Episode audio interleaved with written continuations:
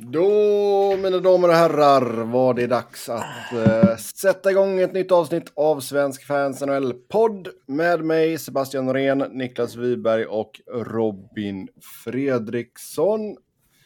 Tack! Vi, ja, varsågod. varsågod. Bra porrstön av Robin där innan också. Ja, men det är bra att han inte det var för slaskade, jag satt, det var för slaskade jag i sig massa käk. Ja. Och, Så länge han ja. inte slaskar i sig mat så ska vi väl vara nöjda vid det här laget tror jag. Men eh, ja, man är i den åldern nu när man reser eller sätter sig så kommer det någon form av stön.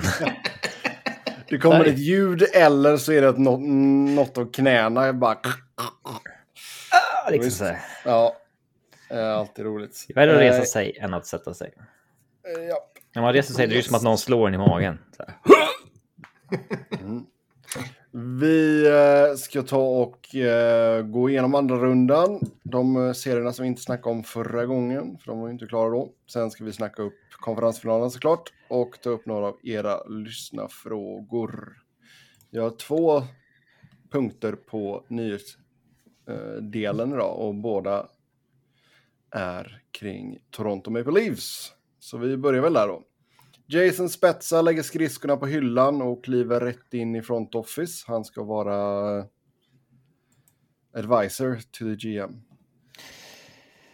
Det måste vara lite ont om stolar på Torontos kontor ändå.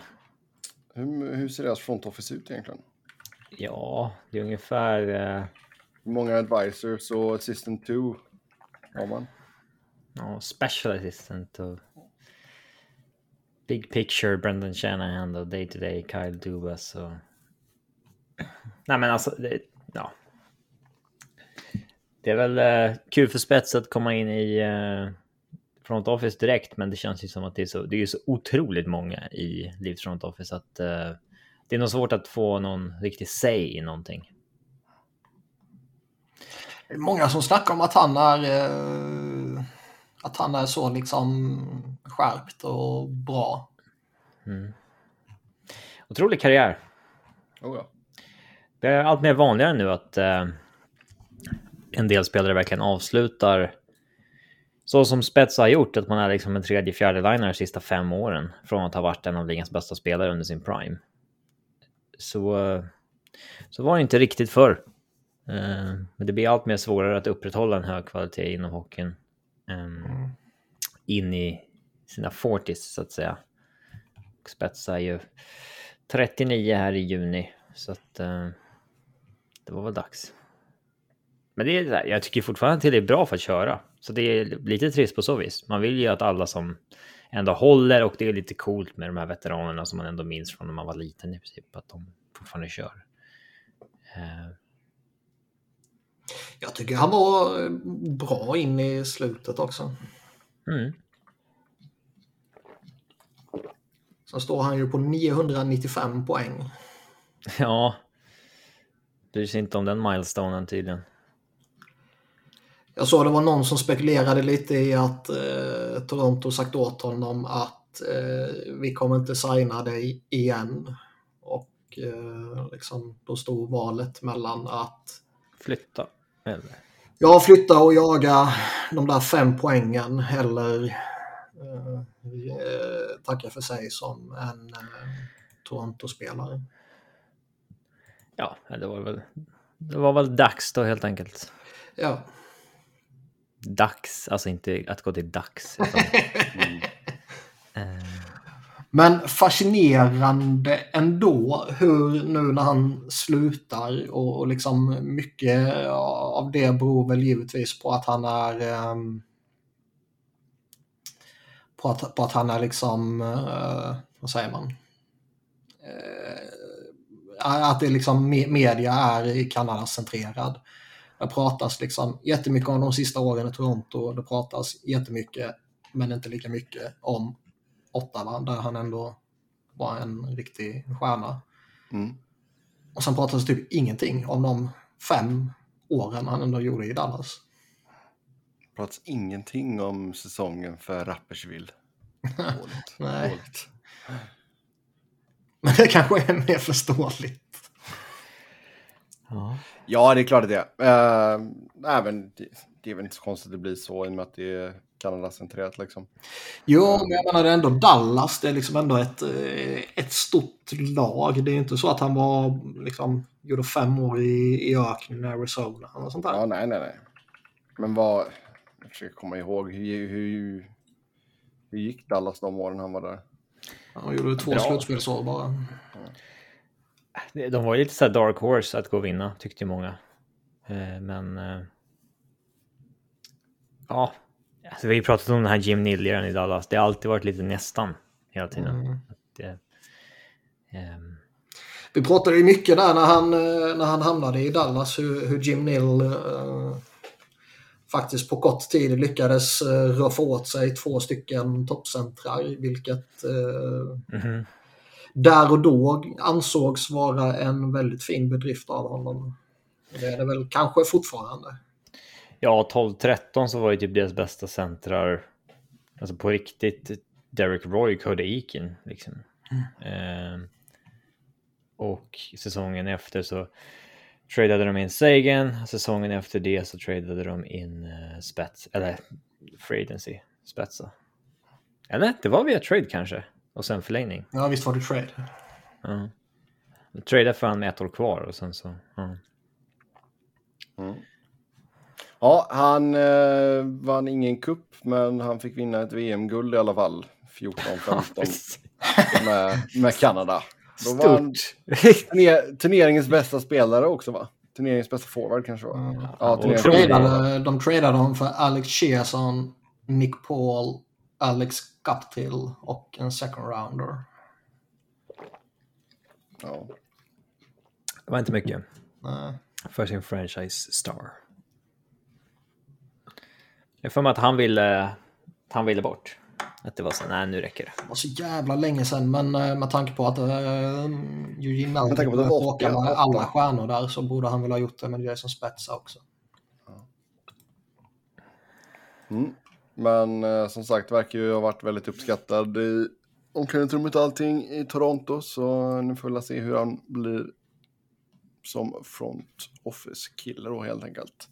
Sen eh, går det rykten om att Jack Campbell vill ha 5 miljoner i capita på sitt nästa kontrakt. Det kan vara svårt att få i Toronto, men jag tycker inte att det är helt orimligt sett till vad han har eh, visat. Alltså han kommer ju från, vad är det nu, 1,65 milla. Ja. Ehm, Men det är i princip två säsonger som första målvakt. Eh, I och med att han tog över i fjol där och... Eh, ja, så har ju levererat average starter-siffror och det är väl någonstans den där pengen man ska ha då. Mm. Fast kommer väl in lite i fel ålder va? Ja, visst. Har ju fyllt Men, eh, 30. Ja, visst. Men eh, jag tror... Sjukt att han är så gammal alltså. Ja. Ja men alltså det beror väl på också om vi snackar 5 gånger 5 eller om vi snackar 5 gånger 3 Jag menar, är det 5 gånger 3 så, alltså 5 miljoner tre år, så är det väl en grej.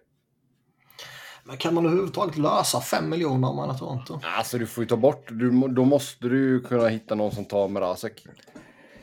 De har liksom eh, nästan 8 i, i, i cap space nu och eh, visst de har väl inget stort att signa upp. Nej, men men lägger man fem på honom så det är ändå en, eh, en handfull spelare till som ska signas upp. Då, Mm. Man vill väl kunna skriva lite... eh, Lite längre avtal kanske med Liljegren, Sandin och inte tvingas ta en eh, billigast möjliga på ett år eller så där. Så att... Eh, Det ryktas ju lite om Sandin. mm. Att eh, det var väl Friedman tror jag som slängde ut sig att han kanske inte har bett om en trade direkt men att det är någonting där som ligger och bubblar.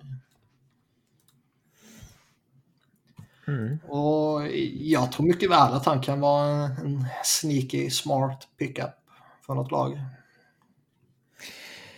Men man kan ju inte, man kan inte betala ett lag en typ first round för att ta Mrazek ett år efter att man signar honom och... Men då är det ju bättre att betta på att han studsar tillbaks. Ja. Och han Så kan ju då- vara typ ligans femte bästa målvakt nästa år, som vi sa förra veckan också. Ja, sen vet jag inte hur det ser ut med, med de andra lagen.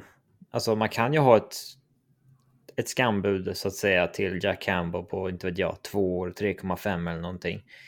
Så säga att ja, men det ligger där. Du får titta i free agency om det, om det är någon annan som... För det, det, är- det är ju sällan... Det är ju inte så många lag som söker en första målvakt och vill att lägga ut fem mille varje år. Nej. Nej. Nej, och de har ju ändå Mrazek och Källgren där och Källgren verkar de ju ändå eh, kanske inte ha ett förtroende för, men de verkar ju inte direkt sky honom om man säger så. Nej. Eh, sen kanske det är och det målvaktsparet, det potentiella målvaktsparet är väl att chansa jävligt hårt när eh, man ändå har en roster i övrigt som eh, ja, indikerar att vi förväntar oss stora saker. Oh, ja. Visst hade det varit väldigt livs att signa Mark-André Fleury på ett år på en mille med löfte om Mm. att han blir första målvakt. Mm. ja. Och det är väl kanske inte dumt. Nej. Även om han inte är någon Ontario boy så det kanske blir eh, inte samma grej att locka hem honom som de har gjort med många andra. Nej, så är det väl. Finns det några andra målvakter? Det finns det. Ja. Det finns det. Vad har vi? Vi har Fleury, Koskinen, Kemper, Holtby. Halak. Inte jättemycket sexigt alltså. Jag tänkte säga, det är inga asroliga namn du rabblar upp där direkt. Nej.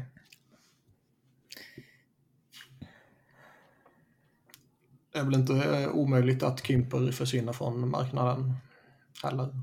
Om Ärs är nöjda med honom. Ja, det är så här. Man måste ju... Ska man liksom gå på målvaktsjakt igen i sommar? Nej, man pröjsade rätt mycket för att få honom och eh, om han inte skiter ner sig fullkomligt här framöver så borde man väl nästan ha ett intresse av att förlänga med honom. Mm. Mm. Men det var fan inte Det- mycket målvakter där på Free Agency alltså. Nej, det var det inte. Men det kanske också gör att det kanske finns eh, någon marknad för Mrazek också kanske. Nej. Ah. Kanske. Alltså jag slänger ju om, om, om visst det beror på, får man betalt för att ta på sig Mrazek och man är liksom Arizona, då gör man väl det. Men eh, leta, är jag ett, ett relevant, riktigt lag som letar en, en målvakt, då tar jag ju hellre och, och chansar på ett år på Thomas Greis eller Braden Holtby. Fan alltså. Oh, ja. Mm. Mrazek Ja. har ju faktiskt få år kvar också. Arizona måste ju också för sin egen självbild slu- sluta vara liksom NHLs officiella dumpster. Liksom. Det är deras enda funktion i ligan. Det har varit så i många år, det kommer fortsätta vara så i många år. Och nu ska de spela den här patetiska jävla arenan. Ja. Fan, Lou Eriksson hade tre mål i år Mm. på 70 matcher. Tre Otroligt hur man kan-. Otroligt hur man kan tappa så mycket ändå. Mm. Ja, vi rör oss vidare till slutspelet och vi ska gå igenom de serierna som vi inte hade klara när vi spelade in senaste gången. Eh, New York Rangers besegrade Carolina med 4-3 matcher. Ehm, Till slut Alltså- vann ett lag på bortais. alltså man, man, jag kände genom hela serien att jag tror ju på Carolina för de är det bättre laget. Då brukar man lösa det över sju matcher. Men när det blir en Game 7, då tar man ju den bättre målvakten. Mm. Och eh, det är väl lite skillnaden. Alternativt att... Alltså det är ju lite choke på Carolina. De, de har 2-0 i matchen mot Boston och så tappar de det till 2-2 och så blir det en Game 7 där också. Nu hade de 2-0 va? på Rangers också. Och, Ja, ju hemma. ja, och sen går de upp till 3-2, och- men de lyckas ändå inte close it. Liksom. Det, ja, man får skylla sig själv. Man har inte haft någon så här, uh, kanske jag glömmer något, men de har väl inte liksom tappat något, något toppspelare där längs vägen, Carolina? Alltså det är ju Andersen liksom. Ja, men han var bara bra på att låtsas.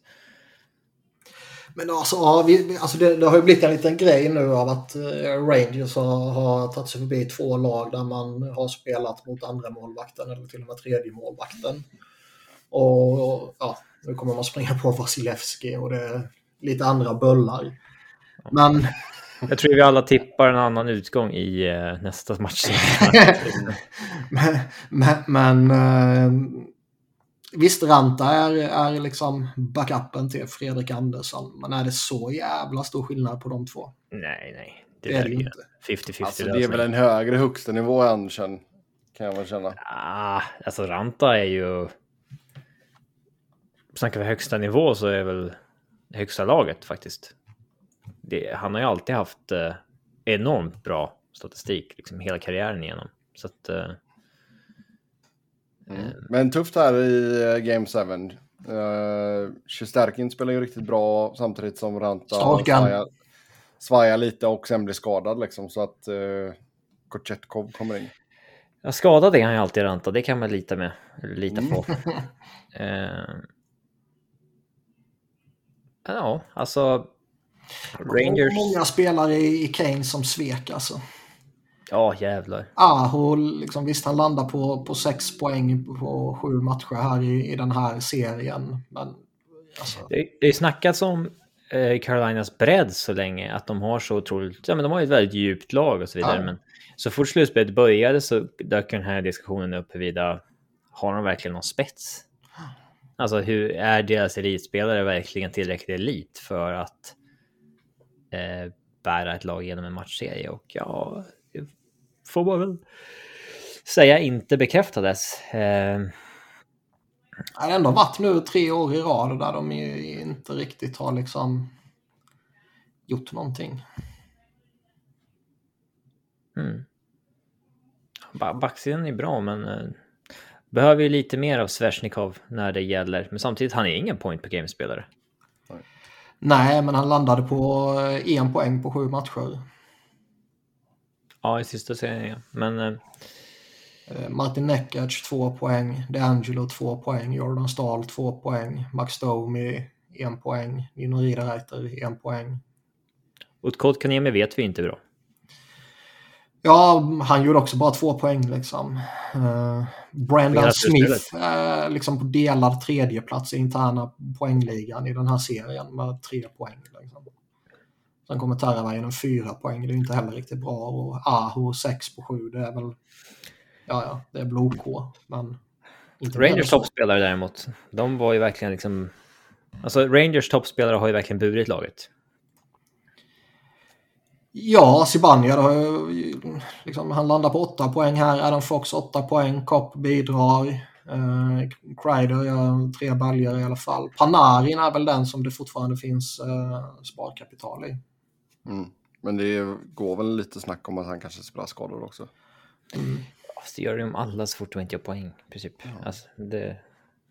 Vänta bara. Ja, vad... ehm, Seth Jarvis blev ju skadad också i Game 7. Ehm, Svårt att skylla på det.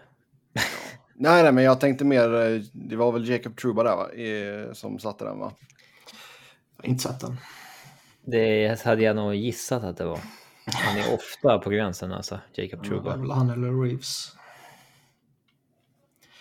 Men ehm, vad heter det? ehm, Alltså det... Visst, han är bra, men att tappa en sån spelare i enskild, enskild match ska liksom inte avgöra. Tappa honom i, i första matchen så, så över tid kan det få effekt givetvis. Men eh, i en Game 7 då handlar det bara om att ta sig i mål och eh, det ska man kunna göra utan honom. Vad man... Eh, alltså... Zibanejad senaste fyra åren då. Alltså han gick ju för att vara en så här ja, en fin andra center som du får 50 poäng av och liksom, ja, är vad han är liksom. Så till lyftet senaste fyra åren och man såg ju inte det här komma att han vid den här åldern nu 29 liksom skulle vara i princip i sin prime och eh, Ja, Alltså, det är alla, han som alla, bär pi, alla pikar inte när de är 22, Robin. majoriteten. Men alltså, att, att han vid den här åldern skulle liksom bära Rangers, det såg man inte komma för fyra år sedan.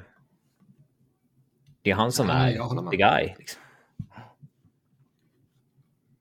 Mm. Vad hade han? Han hade väl mål i fyra raka. Sen tre assist här nu i Game 7. Det, är det som är intressant. Hade de inte, hade de inte besegrat eh, Pittsburgh, alltså vänt serien sista två matcherna, Mm. där han gör sju poäng sista två matcherna, då hade ju hans slutspel varit en, en flopp. För han har ju liksom, han har ju inga mål första fem matcherna mot Pittsburgh. Mhm. Men, mm, Svänger fort. Mm, jo, fort det- i hockey. Då står han på Det 19 vet poäng efter 14 matcher och det är OK. Helt okej. Eh, har ju åtta poäng till godo på eh, Gabriel Landeskog som är tvåa i svenska poängligan. ingen som bryr sig. Poängligan. Väldigt viktigt. Nej, det här får vi klippa bort. Det känns som en sån fråga Pierre Bjurman hade kunnat ställa till typ eh, Zibanejad. Hur känns det att du leder den svenska poängligan i slutspelet? Eller eh, Landeskog. Hur viktigt är det att eh, vinna den? Ja, jag vet inte. Land, Landeskog, hade ju. Landeskog hade ju sagt att han skulle kunna göra noll poäng så länge laget vinner så är det skitsamma typ. Ja, så säger väl alla, men riktigt så är det ju inte. Man vill ju Nej, bidra. Men, Det är som man kan inte bara skylla på en skada om man inte levererar i slutspelet. Nej. Men eh, Rangers vidare där i alla fall då och då går man ju upp mot eh, regerande mästarna Tampa Bay och vi ska grotta ner oss i den serien här alldeles strax. Men först över till eh, Western.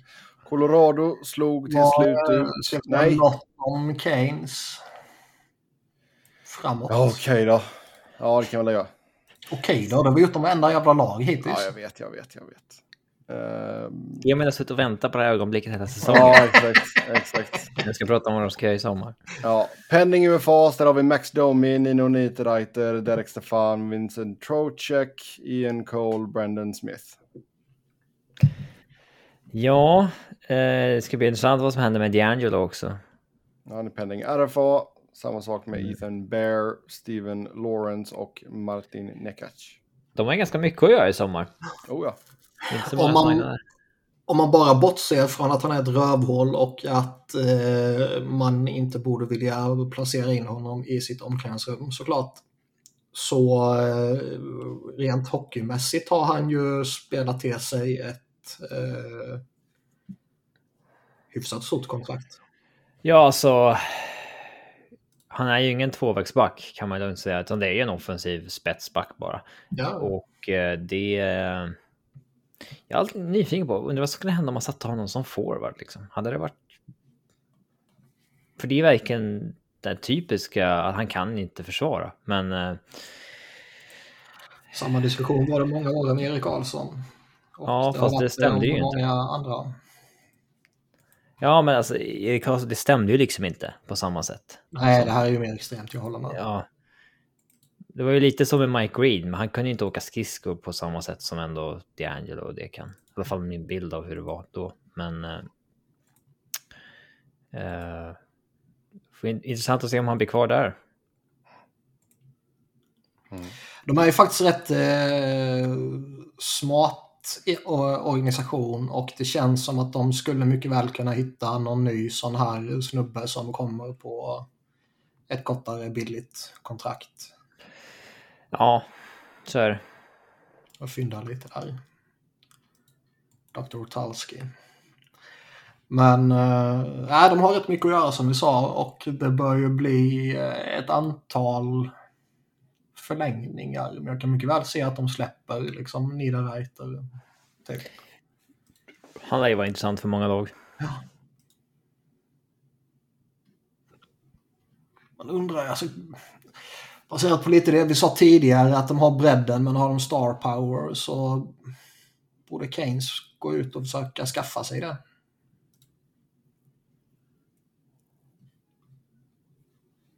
Alltså gå ut och, och leta på free agency om man hittar något, något roligt där eller ut på trademarknaden. Man har ett bra, hyfsat ungt lag på plats. Man kan offra lite futures.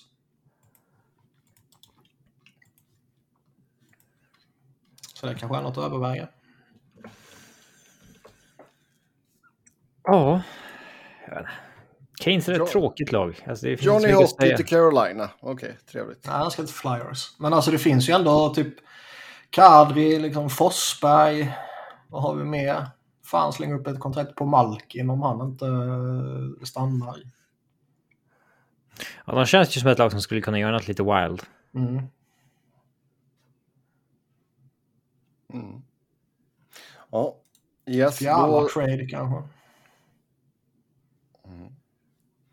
då tar vi och går över till Western. Eh, Colorado vann till slut mot St. Louis 4-2 i matcher. Och, eh, hur ser du på serien i helhet, eh, Robin? Att så var det bättre laget i fem av sex matcher, men torskade en mer än man skulle för att eh, man hade en målvakt som sket ner sig en match. Mm. Eh, och det händer väl. Men eh, eh, det är klart att det är. Eh, det är små marginaler även om man när man summerar det så var Avs överlägsna. I match 6 då står det 3-2 i matcher till Colorado, men eh, Blues eh, leder ju med 10 minuter kvar. Då, alltså vi är 10 minuter från en Game 7. Och så små marginaler är det ju. Men at the end of the day så var det ju inget större snack om det. Alltså om man summerar de här sex matcherna så är Gävles ganska överlägsna. Enligt alla metrics också. Så att... Eh, ja, det, det enda som är intressant det är väl kanske att eh, toppspelare hölls ganska tysta eh, av att matchas mot Ryan O'Reilly. Det är egentligen bara en match där. McKinnon står på huvudet och det är ju match fem som borde ha vunnit som eh, Gimper hade varit lite hetare. Så att eh, ja, Ja. men all, all, alltså alla spelare har ju levererat hyfsat. Burakovsky kommer in i match 6 igen efter att ha petad två matcher som något form av wake-up call. Eh, Mm. Och eh, ja, alltså det enda man eh, hoppas lite mer av det är ju Kymper. Och det är så här, det är okej att han inte är på topp när man möter Nashville och Blues. Det behövdes liksom inte mer än att han var okej. Men Behöver steppa upp nu. Ja, alltså det är så här. Ja, vi kommer väl in på den serien mer Ja, snart, ja. men Cale McCarr, eh, tre poäng bara. Är, Ja. han, slu- är han slut? Ja, vi kan man kan säga att han gör att det är så här tre på sex matcher och det är så här, fan, det sticker ut som lite dåligt. Ja. det, är här, det är hans liksom kalla period. Ja. Bara göra, att liksom ligga on pace för över 40 poäng. Eh, ah, men det är ju liksom, Han vilade upp sig lite bara. Han visste att han inte behöver... nej, det är väl, nej, det är väl inget särskilt liksom med det egentligen. Ja, eh, om vi tittar på St. Louis då. Eh, där har vi Tyler Bosak, David Perron, Nick Leddy och Kalle Rosén som är UFAs tillsammans med målvakten Ville Husso. Ja, Det är lite snack om att det verkar som att Perron kommer stanna i alla fall. han skriver bara kontrakt med Blues. Han skriver bara kontrakt med Blues, ja. Det är fascinerande, vi har pratat om det tidigare. Hon har skrivit en, två, tre, fyra, fem, Fem. Kontrakt. Alla med Blues. Han har reppat Blues, Edmonton, Pittsburgh, Anaheim, Blues, Vegas, Blues. Och det är tredje sektionen i Blues. Ja. det är svårt att tro alltså. Alltså, Det är ju, det är ju tråkigt för honom för det är väl Blues som inte ger några sign-on-bonusar också. Ja. Men han får ju ändå pengarna. Alltså, Jo, det... Visst. Man får inte den där goa liksom millen som bara trillar in direkt på kontot liksom. Visst, men uh, han har tjänat 44 miljoner hittills. Så. Går nog ingen nöd på David. Men det är, så länge man inte skriver ett helt absurt kontrakt med honom så är det en bra förlängning. Han är ju fortfarande på en hög Ja, nivå. jättebra spelare. Jättebra. Eh, kan dock ha varit det sista vi såg av eh, mannen, myten, legenden Tyler, Tyler Bosak då, va? Ja. Det borde det nog varit va? Han, ja, minns ni när han liksom var Livs första center på något sätt? Det var absurt. Fun times. Men... Eh, ja, Alltså, alltså... tycker jag inte det. Ville Husso är väl lite Att han intressant. är UFA är ju intressant. Ja. För de har ju Binnington på fem år kvar på sex millar. Liksom, som... Ja, man kan ju signa Husse på fem mil eller någonting om man vill, men det... eh, Vill han vara kvar som någon form av delad etta? När han kan gå och vara etta någon annanstans säkert. Eh, Alltså med tanke på att vi precis nämnde mm, målvaktsmarknaden, hur sketen den var och han eh, är där men man inte han scrolla några så långt på listan innan man såg honom för att han var så billig. Så det kanske är värt att chansa på honom i så fall. Skulle han inte skitit ner sig fullkomligt i slutspelet så skulle nog hans, eh, hans rykte in i off-season varit eh, hyfsat attraktivt. Nu kan det nog vara lite recency bias tror jag. Ja, kanske. Eh, Men det ska bli intressant att se om man slänger upp förlängningarna på Robert Thomas och Jordan Cairo redan i sommar, för att de är ju på något sätt framtiden. Som inte... Och Ryan O'Reilly också som kanske är en ännu större fråga. Ja, Känns ju som att det, det är RFAs, de, de, eh, de andra de... de- kan man ju skjuta på. ja, men de är liksom the future. Absolut, men jag menar det är inte, det är inte den paniken. Men eh, O'Reilly bör man ju lösa nu. Intressant att se om vi får en Tarasenko-trade också. Mm. Nu med ett år kvar på hans Mm. avtal. För ehm, det hade inte förvånat. Jag vet inte om det varit något snack nu mot slutet, men det var ju under grundserien var det ju mycket snack liksom att eh, nej, han har inte plockat tillbaka sin trade request trots att han är frisk och kry och det går bra. Mm. Och han har, som jag sagt tidigare, tycker jag är hyperintressant. Mm. Framförallt nu om det visar sig att han faktiskt är helt återställd också. Ja, sen vet jag inte. Blues kanske vill skapa sig lite caputrymme att gå efter någon Kadri. Större back på off-season. Men eh, Den då. om de retainar en del på Tarasenko kan eh, han ju bli mycket intressant. Uh, ska vi se Armstrong. Han är samtidigt för jävla bra för att man ska behöva det. Ja, Armstrong Nej. sa I'm not concerned about Vladdy for next year at all. Ja, vad innebär det? Det kanske innebär att han har en trade på plats eller så innebär det att han inte kommer trada honom. Ja. Men det är ju ändå Ryan O'Reilly som är den stora pucken tycker jag. Och han är ju, ja, som Robin nämnde så han gjorde det bra mot Avs och han är ju fortfarande Ja, väldigt, väldigt bra anser jag. Och ehm, det lär nog vara högprioriterat för dem att signa upp honom. Sjukt att han hunnit bli 31 alltså. Ja.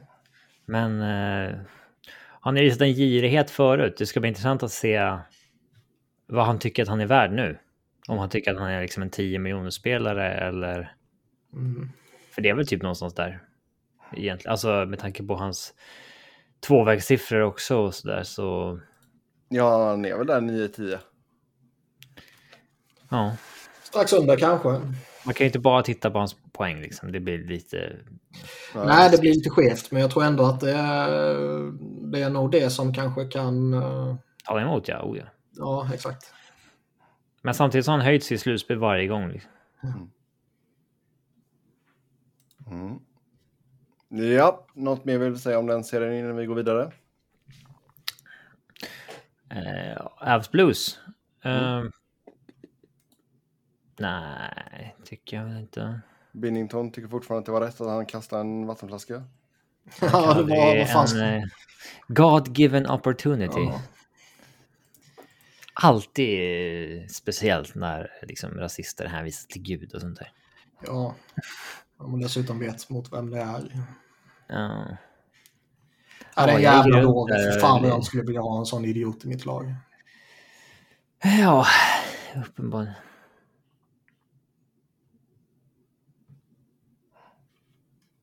Mm, mm, mm, mm. Ja, då tar vi och går vidare då. Eh, Edmonton skickade ut Calgary med 4-1 i matcher. Och, Ja. eh, ja, Det förvånar ju faktiskt att det blev 4-1. att det blev 4-1, ja, ja, Mm. herregud. Men eh, alltså, Mac- allt handlar ju om McDavid och Dreisaitl här. Eh, Jaså? det är liksom historia, ja, men det, alltså, deras produktion är ju på en historisk nivå liksom. Ja, helt störd nivå. Det, vad var det Dreisaitl plockade upp? Var det 17 poäng? 17 poäng på fem matcher. Ja, Sopan McDavid kom bara upp i 12. ja. Och Dreisaitl kör ju liksom En uppenbart skadad. Ja. Alltså han, han kan ju typ inte skjuta. Han åker bara runt och passar. Liksom. Eh, helt otroligt. Och ja, Evander Kane är ju... Han har ju en så pass skicklighetsnivå att han kan ju bara glida med dem och göra ett mål per match. Zach Hyman har ju kommit igång i denna serien också. Mm. Pytsat lite. Men sen så här, jag står ju fast vid, jag tycker att rest, resten av rosten är skit. Jag skulle säga att det finns eh, andra inslag i laget som inte är skit. Men jag håller ju med dig i största allmänhet. Det är ju inte topp fyra lag i NHL liksom. Nej. Oavsett hur, Nej, nej, nej, oavsett hur bra deras spets är. Eh, men alltså, ja. Mike, Mike Smith eh, konkurrerar ju ut Markström utav helvete i den här serien. Mm. Det är. Trots att han släpper in en puck från halva, eller från mer än halva. Egen son bara. Ja. Det är kul att han är omedelbart också börjar typ så här gestikulera och Skälla på någon någon annan. annans fel. De borde slängt sig och täckt skott. Men så där är det när man eh, kritiserar målvakt. Det är alltid någon som tänker att ah, men de ska inte få skjuta och vad gör backarna? Så här, eh, oavsett om det är ett skott från egen planhalva eller inte. Ja.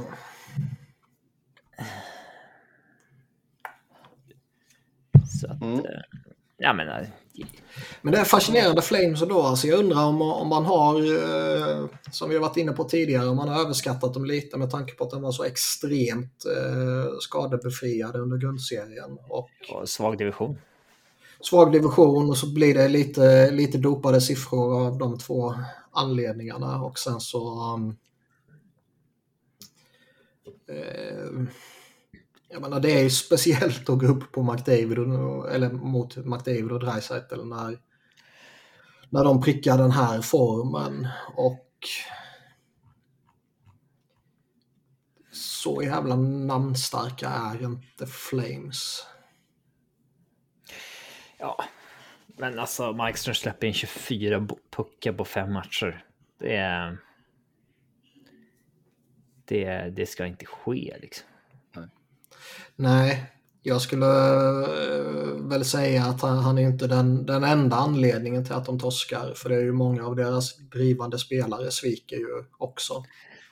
Men de får liksom aldrig ett break i mål liksom. Nej, lite så. De måste ju, måste ju stjäla någon match liksom. Eller ge dem en chans Ja, till och med när de vann så släppte han in sex jävla mål. Ja.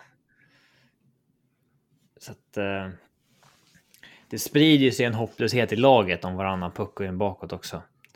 Sen är det ju väldigt mycket kvalitet bakom vissa målen. Det är, så, det är inte så, det är inte så Dreisaitl och McDavid har tur. Nej, nej, det är inte så att Eh. de skjuter från egen zon. Nej. Eh, men sen, eh, vi har ju hyllat Daryl Sutter, men det är väl en liten grej med Daryl Sutter-lag också, att de kan vara, eh, eftersom de satsar så mycket på volym och inte kvalitet, Mm. att då kan det bli såna perioder där man har ganska hög måltorka. Kollektivt. Oh, ja. När man inte får med sig studsarna. Och det, det är fel läge, men det händer ju i hans lag ibland. Mm. Det var ju en stor eh, talking point med Kings några gånger, va? ja, ja, herregud. Nej, alltså jag menar, vad hade, alltså du hade väl lite problem med... Det är, så här, det är svårt att peka ut liksom en individ, alltså att eh, Gaudreau ska göra mer, Kachak ska göra mer, när, när det är liksom kollektivt måltorka så. Att det känns lite mer systemdrivet än, eh, Visst, man kan ju vilja att ens toppspelare ska bära laget ur det. Ja, det kan ju ligga något i det givetvis, men ja, det är anmärkningsvärt när, eh, när man möter det motståndet man ändå gör och eh, toppspelarna faktiskt inte eh, uträttar någonting anmärkningsvärt överhuvudtaget. Gaudreau, visst han gör sex poäng på fem matcher, men det är bara ett mål. Mm. Jo, sen blir det ju, alltså sätter du det i, i relation till vad Edmontons eh, toppspelare gjorde så visst. Nej, allting bleknar ju i den jämförelsen. Ja. Men jag tycker ändå alltså att eh, försvaret de möter är inte något speciellt. Målvakten de möter eh, ska man kunna knäcka liksom. Ja, ja. Jo, men alltså när det blir så att, för jag menar vad hade du och, ja. Markström släppte åtminstone fyra mål i varje match liksom. Mm. Ja, det tufft att vinna. Då är det tufft att vinna även ifall du går upp mot ett lag som kanske inte är det starkaste defensivt. Liksom. Det... Så är det. Så, men eh, här har eh, Brad Treeliving en hel del att göra i sommar. Eh, man har sex forwards under kontrakt kommande säsong och fyra backar. Ehm, det är bara målvaktsposten här där man är satt med Markström och Vladar. Ehm. Det känns, alltså man har 26 miljoner att röra sig på nu. Känns inte det lite för att bara ha en halv roster på plats? Ja, men du har ju ganska många spelare som ligger eh, där. Det är, inga, det är inga stora kontrakt. Nej, men, men alltså, du, har många, många du har många som ligger liksom på plus ja, 4 miljoner uppåt. Liksom. Så, så visst. Men... Eh, ja, jag menar, säg bara att du förlänger med Fetchak. Liksom. Helt plötsligt så är ju jättemycket av de där 26 miljonerna borta. Mm, du har ju Matthew Kachuk då som är RFA Sen eh, notabla UFA står Johnny Hockey såklart. Eh, Kalle Järnkrok. Kalle Järnkrok UFA. Eh, Kylington RFA. Det borde man kunna gå och lösa i alla fall. Eh, det känns ju lite som att de kanske kommer hamna i ett läge där de måste välja en av Johnny Hockey eller Vatchak kanske. Men om Gaudreau verkligen ville signa med Flames, hade inte det skett för länge sedan då? När det drar ut så här med de här spelarna så känns det ju alltid som att det... Man tycker det ju. Jo, men det känns väl som att där kommer han ju kolla marknaden. Jag tror inte att Flames kommer att vara... Detta är vårt offer, take it or leave it. Han kommer ju flytta hem. Jag vet aldrig. Men eh, sen tycker jag ändå så, alltså du har ju fortfarande ett problem också. Alltså Sean Monahan ett år kvar. På strax under 6,4. Och jag menar, han har ju alltså, verkligen... Uh, Friedman spekulerar ju lite om kan det ligga en trade där kanske. Ja, för jag menar, han har ju verkligen försvunnit. Känns mm. det som. Ja, jag gillade han jättemycket tidigare. Men... Uh... Han är väl uppkäkat av skador va? Ja. Ja. Nu känns det väl som att han är uh, körd, är väl för tidigt att säga kanske, men uh, uh, Han måste ju starta om. Alltså gå in i ett nytt lag med uh, Clean slate eller vad fan man säger. Ja, exakt. Och det är så här, men nu är du, kommer hit som en tredje center liksom. Och det är inte... Att du var en första center för sju år sedan kan vi inte hålla på att tänka på längre. Liksom. Nej. Nej, och den, den omställningen är väl svårare att göra i laget där man har blivit ett misslyckande. Mm. Men, det är väl rimligt att förvänta sig en trade och det är väl rimligt av Flames att försöka jobba på en trade också. Mm. Ja. Men eh, om vi säger då att man väljer en av Kachuk och Johnny Hockey. Vilka andra spelare av de som är penning, RFAs och UFAs tycker ni att man ska behålla och vilka ska man låta gå.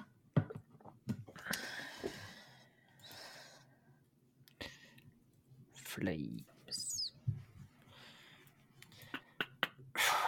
De verkar ju vara rätt tillfredsställda med Sador och Gulbranson. Ja, eh, Darren Sutter har ju alltid haft bra lag, men han brukar gilla att ha lite stora klumpiga backar ibland som har dålig statistik. Mm. Alltså, det var ju som, han gillade ju Robin Regier liksom Kings och sådär. Ja. Eh,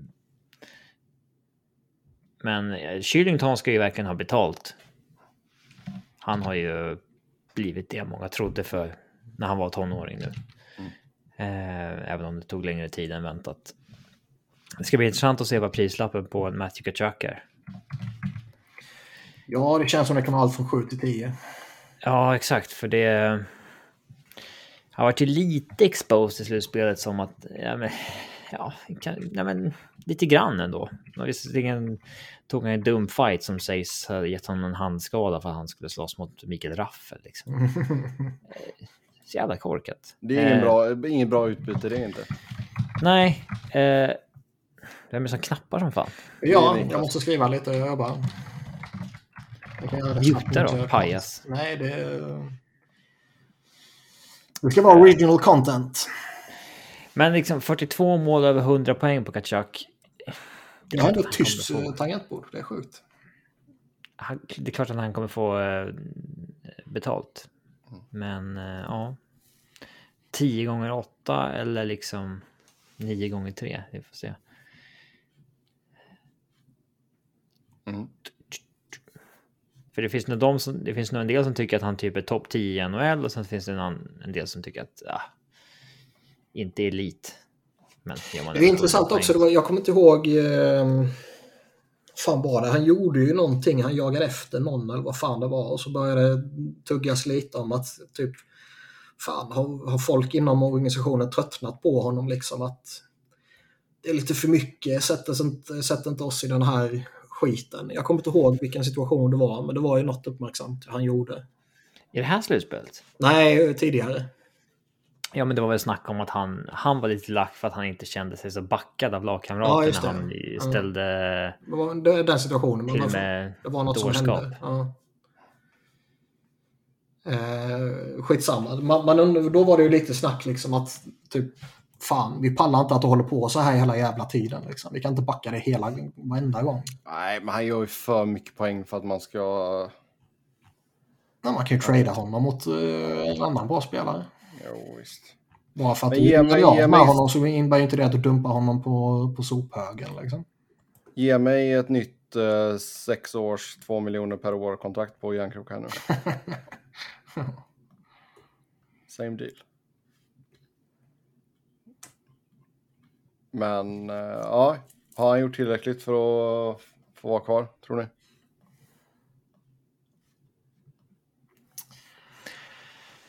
Järnkrok? Ja, men Ja. ja. Får han väl säkert. Men eh, det finns nog andra klubbar där också som vill ha honom. Det är ju en respekterad liksom bottom six-spelare som har gott anseende. Japp. Ja, då tar vi och lämnar den här serien då och eh, kör våran inför konferensfinalerna. De startar ju här nu i natt. Eh, Colorado Edmonton först ut. Så vi börjar väl med den då. McDavid mot McKinnon. Ja. Battle of the Max. Ja, kanske McDermid om de spelar honom. Men eh, ah, det var lite, alltså så här, McDavid mot McKinnon. Alltså, tyvärr med. McDavid är på en annan nivå än McKinnon. Det, det måste folk erkänna. och sen... Eh, men det är, det är kul att se lite Oilers-fans prata om liksom matchupen här och säga att ah, men Smith är bättre än Kymper. Eh, någon som hävdar att Cody Ceesay är på samma nivå som Devon Taves liksom och så här. Alltså, de måste inse att deras roster är skit eh, bakom deras toppspelare. Det är ju bara samling misfits och ja, Nej, men så är det ju. Frågan, frågan är ju hur, hur långt eh, man kan klara sig på det. Mm. Ja, så är det. Och jag vet att Mike Smiths slutspelsstatistik och sådär är ju svinbra alltid, men håller han liksom en till runda utan att skita ner sig? Så bra är han ju inte. Nej, han är 40 bast också. Ja. Gammal som gatan liksom. Det, Ja, Nej, men nå, någonstans tycker man ju det. Alltså rimligt. Det, det, alltså det är rimligt att någonstans typ förvänta sig att snart kommer han krackelera. Dels för att han är lite den målvakten kanske, men framförallt med tanke på åldern. Och framförallt med tanke på vad Colorado skulle kunna utsätta honom för i liksom sex Bombardment. Liksom. Ja. Ja. Och då skulle det ju kunna, kunna bli en, eh, liksom en, en, eh, en ny Calgary-Edmonton-serie, men omvänt. Men skulle ni hellre gå in med Mike Smith eller Darcy Kimper? Kimper. Kimper. Backsidan är det inget snack om att man tar Colorados före Edmontons. Nej, nej. Men Ah, jag har läst Skulle- att Colorados backsida är jävligt svag. ja. Eh, Ja. ja, det, det journalisten Magnus Nyström skrev var ju att eh, Avs defensiv inte tillräckligt bra för att stoppa McDavid Dreisaitl och det finns väl ingen som har en defensiv för att stoppa de två. Han har Alltså, det- Eller outscora. Ja, eh, sen hur man ska approacha dem, det är ju en sak. Jag vet inte, ska man liksom spela en viss line mot dem och lägga väldigt mycket fokus på att kväva dem? Det kändes ju som att Calgary försökte göra det och glöm, glömde spela sitt eget spel på något vis. Eh, eller ska man bara inse att äh, de kommer ju härja fritt när de spelar. Det är väl bara eh, se till att vi spelar våra bästa mot eh, dåliga spelare istället och eh, försöker vinna den matchen. Vil- Vilken matchup skulle du gå? Alltså skulle du, skulle du lägga allt krut på att sätta McKinnon mot dem? Eller skulle du lägga allt krut på att sätta Kadri mot dem? För man kan ju få lite olika effekter av det. Avs har ju ingen shutdown center. Det är väl liksom lite akilleshäl. Jo, men det är Eh. väl ändå Kadri som ligger... eh, Ja, men då är främst för att eh, du, du kan spela två väldigt starka defensiva forwards med honom. Då Mm, kan du ju välja mellan tre stycken, antingen Landeskog, Lekkonen eller Nitushkin. mm. Eh, och det är väl en sån kedja jag skulle spela mot dem. Men sen, Men det finns ju ändå Mm. liksom, kan, kan, kan, du, kan du få Rantanen och McKinnon och gå loss på övriga laget så kan ju det bli lekstuga där också. Ja. Men man kan ju också låta dem gå upp mot varandra och liksom, okej, här har Skulle, ta, ta skulle man- och överglänsa dem. ja. Skulle man lycka kvä, lyckas kväva dem i två matcher, att de bara gör någon enstaka poäng var eh, och Avs vinner, då, då, är de ju, då är de ju separerade i match tre. Mm. Då har man ju ett nytt problem. Men... Eh, jag vet inte. Be- Bednar gillar ju inte att köra speciella matchups. Han brukar ju bara rulla. Eh, så jag, jag tror Det, fin, det de finns ju fördelar med det, men det känns ju också lite dårskap att gå in i det här motståndet och inte ha det i bakhuvudet. Ja, alltså hade man haft någon Ryan O'Reilly eller sådär, då hade man ju spelat honom mot dem hela tiden tror jag. Men det har man ju inte det riktigt. Nej, Så att, det eh, håller jag med om. Men eh, det är ju liksom, man, man måste ju se till att det antingen är McKinnon eller Kadri-kedjan. Ja, det skulle man väl säga ändå. Även fast man har en bra tredje kedja med Burakovsky, det JJ ändå- Confer. Ja. Ja. Sen kanske, visst, det kanske spelar mindre roll vem av eh, McKinnon och Kadri som, som får ansvaret så länge det är någon av dem. Mm. Ja, det är intressant. Men vilken forwardsida skulle ni helst ha?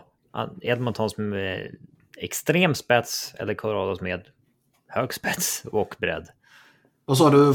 Forwardsbesättning menar du? Inte forwardskedja? Forwardsbesättning. Ja. Ja. Ja, hellre Colorado. Det finns extrem spets där också och sen finns det ett djup Ja, det är inte så att Ävs har dålig spets. Nej, nej.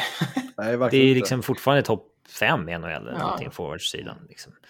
Eh, och ja, alltså Edmonton har ju bra spelare bakom McDavid Dreisaitl med liksom Hyman, Nugent Hopkins. Alltså, till, ja, Kane såklart. Men där någonstans så tar det ju faktiskt slut. Visst, du, alltså, Fogel och Poirier, det är okej spelare, men det är ju inte egentligen någonting du går in och är rädd för på något sätt. Nej, de har ju inte ett djup som ska ta dem till konferensfinal. Och, och, de har väl inget lag i, i stort som ska ta dem till konferensfinal heller. Och de har väl Daryl Sutter. Han, han fick väl frågan om det var det bästa laget som vann serien och sa någonting i att nej, inte det bästa laget, men den bästa spelaren. Och det sammanfattar väl... Eller de bästa spelarna kanske han sa, jag kommer inte ihåg. Men det sammanfattar ju Edmonton ja, så var det. Så var det. Och det vore ju faktiskt, nu hoppas jag på Colorado såklart, men det vore ju faktiskt rätt eh, häftigt att se McDavid liksom bära Oilers till en kupp eh, när laget är så jävla dåligt. Alltså det, det hade ju varit... Eh... Det ska ju inte vara möjligt i ett sånt fullskaligt haveri till, till organisation som det ändå är. Mm. Och det skulle ju... Det skulle ju vara skadligt också. På ett sätt när, när eh, sån här inkompetens leder till framgång som det trots allt är och kan göra. Mm. Men visst, jag håller ju med dig i det där att det är häftigt att se McDavid och, och, och Dreisaitl också för den delen då. Um, kunna lyfta det här skräpet till något så... Det hade varit intressant att se McDavid bli skadad. Um, ja. På samma sätt som Crosby blev skadad i Pittsburgh i perioder. Och se om Malkin höjde sig ytterligare på något sätt. Mm. Om vi skulle få samma Eller reaktion från en Leon... Och laget höjer sig. ja. ja, där tror jag... Pittsburgh var ju liksom så bra att när de två var borta så fanns ändå någon form av grundstomme där som... Eh, Grinda fram något skit liksom. Ja. Där tror jag Oilers skulle krackelera fullständigt. Ja. De är ju fan... Alltså tar du bort två spelare så är det ju på riktigt liksom... Då är det ju nere i liksom, Flyers, Arizona, Dumpstern liksom med det här laget. Ja. Så, att, sån sjuk är skillnaden på två spelare och inte. Men vi får väl spela McDermott då. Ja. Jaga McDavid och eh, se om han kommer ifatt honom. ja. Den är nog svår. Det skulle, det skulle vara intressant på ett sätt liksom om det är värt att potentiellt vaska första matchen genom att liksom sätta någon dåre på verkligen okej, okay, plocka bort McDavid. Det kommer innebära att vi förmodligen får liksom en fem minuter emot oss och det kommer bli kaos. Vi kommer förmodligen missa eller torska mm. den matchen. Liksom. Men eh, nu jävlar. Fokus ett i match ett är att både Dreisaitl och McDavid ska lämna med hjärnskakning. Ja. Liksom, hur ni vill. ja, om en Dreisaitl, det är väl bara att hugga på foten där va? Ja, ja det, pratar, det pratar man om. Men där såg vi ju Calgary högg ju som satan på honom. Jag menar det... Jag tror inte Colorado kommer liksom hålla på med den typen av grejer. De är Nej, de var dumma. De gör inte sånt på det sättet. Ja, de var ehm. dumma. Det är liksom ingenting, alltså en sån grej är ju ingenting som liksom tar fokus från något annat. Det handlar ju bara liksom om att typ fullfölja en tackling eller liksom hugga över foten istället för att hugga någon annanstans där du ändå kommer hugga liksom. Mm. Det är en sak att, att, åka runt och jaga honom. Då kan man ju tappa fokus på annat givetvis. Men, men eh, mm. äh, jag tycker det är lite konstigt om man inte... Alltså man hade ju spelat sjukt hårt på dem. Mm. Det hade man ju. Varje chans man har att... Men det skulle vara alltså intressant diskussion ändå. Nu, nu säger inte jag att jag förespråkar att man ska gå och headhunta de två. Men... men eh, Fast du gör det, så lite. Dig. Ja, jag gör det lite, men jag gör det inte helt. Okej, okay, jag gör det intressant i och med att eh, det hade gynnat. Ja. Du hade ju tagit att du torskar match 1 mot att en av de två är borta resten av sex matcherna. Ja, det gör man. Och kan man dessutom fått bort båda så har du typ vunnit med 4-1. Ja. Kan vila dina toppspelare. bara trumma på. Det är fint sen då när, när de har försvunnit och Edmonton står inför eliminering och de ska gå loss med Kane och Cassian och allt vad fan de har. Mm. Men vi slår fast här och, här och nu. Rubriken borde vara att eh, Colorado bör skada McDavid och Dreisaitl. Mm. Hade, hade Colorado och Edmonton möts i första rundan, då hade nog många tippat ganska komfortabelt så här 4-1 i Colorado eller någonting. Men mm. bara för att de har tagit två runder nu Edmonton och har liksom mm. lite flow och de... Ja, men... Man, man nästan glömt att de pushades till sju matcher mot Kings. Jo. För att de ställde av Calgary så snabbt. Eh, men visst tippar man ändå. Alltså det du säger är att Colorado ska spela mer som Kings. jag vet inte vad du menar, men... Eh, visst är det väl objektivt sett en... Alltså... Hade det här varit för några veckor sedan så hade ju alla tippat ganska stabilt Colorado-avancemang. Ja, Eller har, har, har ni skiftat för att Oilers ställde av mm, Calgary så snabbt? Nej, alltså jag har fortfarande Colorado som alltså man har vinnare väl inte, allting. Man har väl inte skiftat. Däremot så eh, har ju liksom inte det faktum att de städade av Calgary nödvändigtvis, men framförallt det faktum att McDavid och Dreisaitl har lagt sig på en sån sjukt jävla hög nivå. Mm. Men sen vad är sannolikheten? Man inte kan skriva av dem bara rakt vad... Nej. Nej, nej, det kan man absolut inte göra. Men sen samtidigt, vad är sannolikheten att de kommer fortsätta snitta över två... På, de har alltså snittat 2,17 poäng per match. Mm, ja, men alltså uppenbarligen kan de ju det. Alltså, det är inte Andrew Kopp som har gjort två poäng per match, utan de här har ju ändå den nivån i sig. Ja, nej, det är ju den överlägset bästa spelaren och sen så ytterligare en topp fem spelare. Liksom. Ja, och Ja, men, eh, är man rädd för mig, Kymper mot de här två? Ja, alltså, det, det, är väl den. Du är alltså, väl rädd för nästan vilken målvakt som helst, förutom kanske Vasilevski. Och... Men även om vi har Vasilevski som är väl bäst i, i allmänhet och Storken som kanske är bäst mm. den här specifika säsongen. Så är det klart att man skulle frukta dem ändå. Det finns ju ingen målvakt som är liksom du kan garantera är eh, bra någonsin. Nej. Alltså, Vasilevski står ju på huvudet mot Florida när de sveper dem i fyra matcher och han gör en grym Game 7 mot eh, Toronto.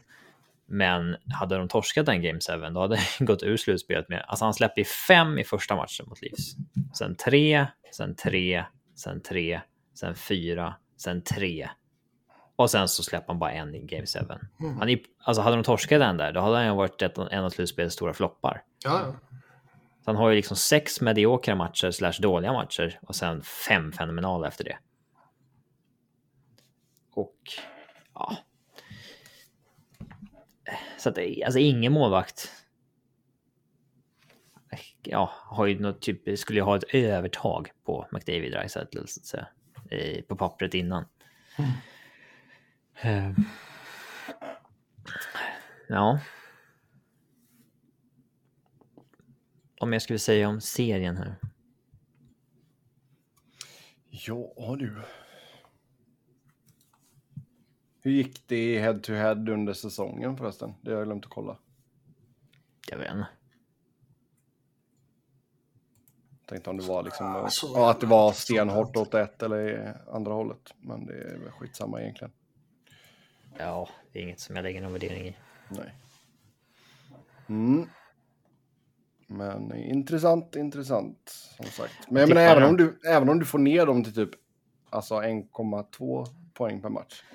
Ja, det, det, enda man vill undvika är ju att eh, nu när Chan Gerard blev skadad och Jack Johnson kom in, att inte Jack Johnsons backpar spelar mot. För det är ändå den enda svaga länken. Ja, ja, ja. Det är, men det, där har du ju så lyxen på hemmais i alla fall. Att du, du kan göra de matchningar du vill ha. Ja. Så visst. Absolut, absolut. Ha, eh, ska vi tippa den här tipp serien då? Ja. 4-2 i matcher till Colorado. Jag velar mellan 4-1 eller 4-2. Men det är kanske lite för kaxigt att säga 4-1. Liksom. Ja, lite det... kaxigt, det får du vara. Men ja, man kanske underskattar Oilers spetsbriljans då liksom. Jag säger eh, 4-3 Colorado. Säger 4-2 då. Och sen då så har vi Tampa mot Rangers i Eastern. Ja, är Tampa gamla Tampa nu igen för att de spöade Florida med fyra raka. Det var ju mer på Vasilevski än de andra ska man ju säga. Vad är statusen på point? Jag läste han tränade han, inte idag. eh, är aktuell för spel eh, i alla fall. Sen om det var aktuell för spel i match 1 eller liksom typ framåt i slutspelet, det, det minns jag inte. Nej, han var inte med på träningen idag tror jag inte i alla fall. Uh, ska vi se här vad det står. Eric Erlendsson är bra att följa där. Uh, hans... Nej, han var inte på is idag. Point. Brendan Hagel var ute lite men tog in, deltog inte i rushes. Mm. Eh, Rangers är alltså i konferensfinal utan att ha lett en serie vid något tillfälle. ja. Förutom när signalen går då i Mm. match 7. Men då leder man inte, då har man ju vunnit. Mm. Det är fascinerande. Mm. Eh, alltså, det är väl inget snack om att man...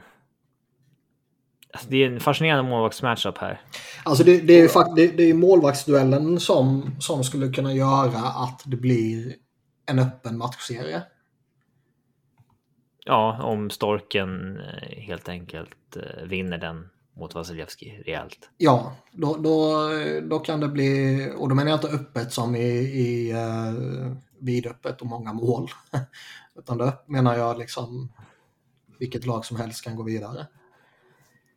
Eh, men annars är det ju ett jätteövertag för Tampa tycker jag. Och visst, man kanske färgar som att de kommer från dubbla kupper och, hela det köret, men ehm, Alltså hade det här varit i första rundan, Tampa Rangers, hade vi tippat 4-0 Tampa. Typ. Nej, kanske inte 4-0. Inte med storken. Men eh, Snudd på. ja. Visst ligger det något nu i det här som vi nämnde tidigare att Panarin dessutom eh, dras med något skit så är det ju... Eh, är det jobbigt för dem. Det är klart att eh, spelar på en hög nivå och, och eh, Fox och så vidare. Men alltså man behöver ju Panarin om man ska gå upp mot Stampa. Sen är det ju sjukt liksom, han har ändå gjort 11, 11 poäng på 14 matcher. Panarin, så han har inte varit piss. Men det känns som att det finns något mer där. Eller det borde finnas något mer i alla fall.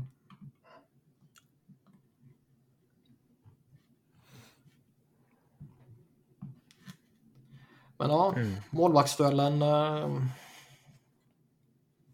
det är väl där Rangers får sätta sitt hopp.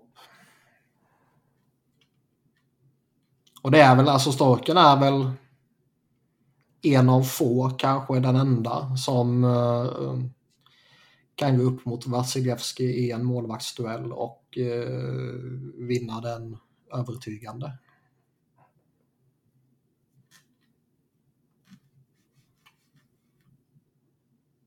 Alltså det blir ju intressant också att se. För jag tycker ändå så att Tampa tuggade ju på bra i, i vissa sekvenser mot Florida ändå, även fast mycket som du säger var Vasilevskis förtjänst. Um, ehm, jag menar, du har ju Kucherov som vi vet kan kan uh, ja, mer eller mindre ta över en matchserie. Ehm, uh, visst, man är utan point, men även tidigare slutspel har man ju visat att man kan vara utan en av de stora grabbarna och ändå så vinna liksom. Så. Jo, men då hade man eh, ett annat djup också. Men du, du har ju inget dåligt djup. Nej, men eh, det var starkare tidigare. Och eh, Det skulle kunna vara en sån där effekt att eh, ja, tidigare hade man inga problem att hantera att Stamkos bara lirade tre minuter eller vad fan det var han lirade. Liksom. Men eh, nu har djupet blivit lite sämre och då kanske det blir en större utmaning.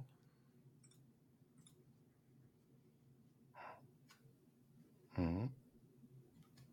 Men det är klart att Tampa fortfarande är ett jättebra lag och eh, det är nog, eh, ibland brukar man ju prata om att ett längre uppehåll kan vara dåligt för man liksom tappar flytet, man tappar farten, man tappar eh, momentum och så vidare när man bara får sitta och vänta på och, och motståndarna samtidigt får spela och ha rytmen uppe och så här. Men eh, jag för mig Cooper pratade något om att de, eh, de har en hel del skit i laget och det var viktigt att få den här vilan. Ja, det sa ju Stamkos också. Liksom, Ja, det han det, här är, det här är jättebra. Så det, är- det är nog bara bra att de får vila upp sig lite faktiskt. Ja, det tror jag. Mm. Eh, ja, tippa den här då. Här vill man ju ha sju matcher. Eh, så ge mig Tampa eh, fyra, tre matcher. Det hade ju varit kul med sju matcher eh, såklart. Jag säger Tampa Eh, 4-2. Jag tror väl fyra... 4-1 Tampa. Yes, då tar vi och glider in på lite lyssnarfrågor. Eh, har ni sett klippet här på den första frågan? Om inte så får ni eh, några sekunder att göra det. Vilket klipp? Helvete Robin, läs körschemat. Eh, Okej, vilka delar av körschemat? Första lyssnarfrågan. Eh, är det verkligen bättre med amerikanska sändningar? Internskämt mellan kommentatorer. Infinity. Shells back on. Även när Bisnasty sveper en Red Bull eller vad fan han gjorde. Ja. This Eh, är ju uppenbarligen jättedålig. Alltså han Ja. är kass i ja, TV. ja. sätt och vis. Alltså studion för TNT är, är inte bra. Jag tar ju alltså. Jag väljer ju aktivt att se på de kanadensiska sändningarna. Jag har, inte, jag, Fast jag har ännu de inte är alltid riktigt... asbra heller liksom. Jag har, Alltså vi får ju inte sändningarna i Sverige på det sättet. Nej. nej, man ser mest lite klipp sådär och jag har inte riktigt ännu greppat vad som är alla de olika delarna heller. För det är ju fortfarande uppdelat på olika... Jag vet, det är TNT och det är E ISBN och det är... Nej, man glömmer, man bör, alltså så här, i huvudet så smälter det bara ihop till en och samma röra. Liksom. Ja. Typ. Men på TNT så har du ju uh, Bissonette och eh, Rick Tocket och Anson Carter i studion. Eh, och det är mest bara att Bissonette och Tocket sitter och uh, internskämtar och jabbar mot varandra. Liksom. Och det är, Alltså jag, jag tittar... Lite Ex- Gary Neville, eh, Jamie Carragher över hela. ja. Ja, jag, alltså jag det- tittar extremt, extremt, extremt sällan på studiosnacket. Jag gör det aldrig i Sverige och... ehm, Men det gör de det i fotboll va? vad sa du? Det gör de det i fotboll va? I Ja. Sverige till exempel. Men, men eh, jag menar, i Sverige väljer man ju bort det för att det är för dålig nivå. Och i, eh, i Hur Nordamerika... vet du om det om du inte tittar? Det vet man. Ja men på Ja, riktigt. men jag har ju sett tidigare och jag vet ju vad, vad som sägs och sådär. Givetvis tittar man inte. Ehm, i USA och Kanada är det ju ofta så att valet görs åt en. Att man liksom inte har möjligheten att se. Eh, och de gångerna man får se så är det kanske lite några svep här och där i periodpauserna. Liksom. Eller kort inför eller något sånt där. Men jag brukar, alltså, ibland blir det man zonar ut, man går och gör något annat, man eh, uh, fixar en macka i periodpausen, vad fan som helst. Liksom. Men, En limpa rostbröd och lite O'boy. ja. men, ehm, Hade ni O'boy på mackan för övrigt? nej. Nej, det är ju bara holländare som har typ... Vad heter det? Strössel på mackorna. Eh, Eller är det något annat land som kör den? Kör Belgien det också? det vet jag inte. Men jag har sett folk som haft O'boy på mackan. Okej, ja nej, nej tack. Men uh, just det där holländer och strös, strössel på rostmackor. Alltså det, ja. Vem fan var det som snackade om det? Var det Rasmus Elm? Ingen aning. Någon, av, någon av alla svenska holländska proffs i alla fall som pratar om det. Att, ja, efter träningen så de käkar rostmackor med strössel på liksom. Men eh, alltså även nordamerikanska studior är ju halvdana ibland för... Eh... Ja, men de, deras uppgift är ju att... Eh... Ja, men alltså, de ska ju ta in tittaren som tittar två matcher per år. Ja. Eh, det är sällan det är på en nivå där man själv... Alltså de är ju inte... Till, vad säger man? De är inte riktade mot oss. Nej, och liksom oavsett om man eh, gillar studio eller inte gillar studio och folket är sådär så är det liksom fan, gillar du inte det så är det enkelt att undvika. Liksom. Du, du behöver inte titta när, när matchen inte spelas. Liksom. Gå och gör något annat, mjuta, gör vad fan som helst. Mm. Njuta? Ja. alltså även om man inte tittar på det så kan man ju höra det i bakgrunden när man gör något annat och vill man inte det så mjuta. Liksom. Jag menar inte sitta och titta på studios. Jag tror du menar att man skulle eh, Nej. gå och njuta istället? Nej, njuta. Okej. Men, men eh, det är ju en helt annan grej när man tittar på matcherna.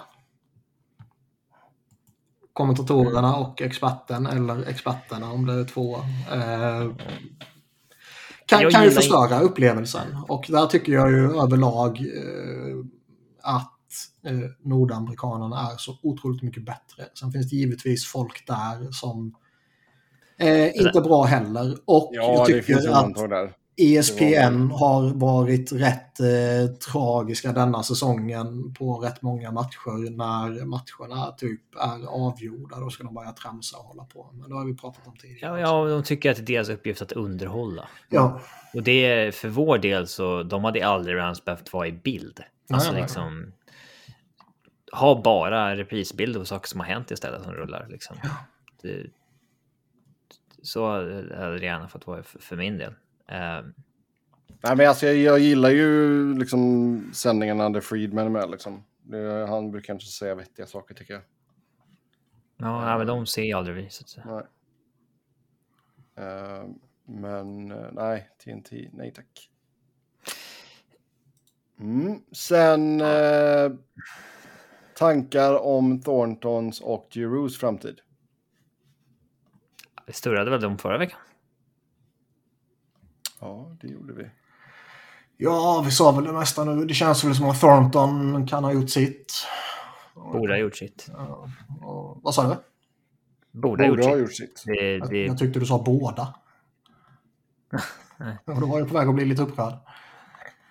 Nej, men det ja, det har han väl gjort. Det var lite ovärdig eh, avslutning för en sån stor spelare. Men det, det pratade vi mycket om förra veckan.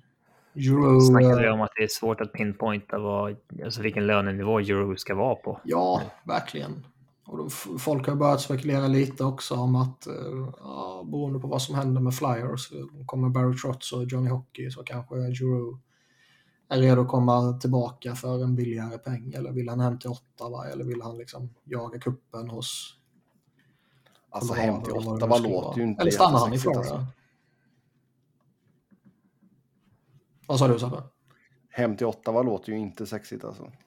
Nej, men är det hem så är det hem. Ja, nej, men både han och frugan kommer ju därifrån den regionen och eh, har väl fortfarande mycket av övriga familjen kvar där uppe får man väl anta. Och då det har ju sagt att han eh, vill spela i Ottawa någon gång innan det är över. Mm. Ja, ja. Ja, det om dem i alla fall. Sen eh, Anthony Duclair med två fina grundserier i Florida, men bara en plus två på 14 slutspelsmatcher. Vad har ni för andra chokers i slutspel? Historiskt eller just i år? Det vet jag inte. Ja, vi kan väl ta det på de senaste två säsongerna kanske. Fan, det är svårt att slänga upp så här bara.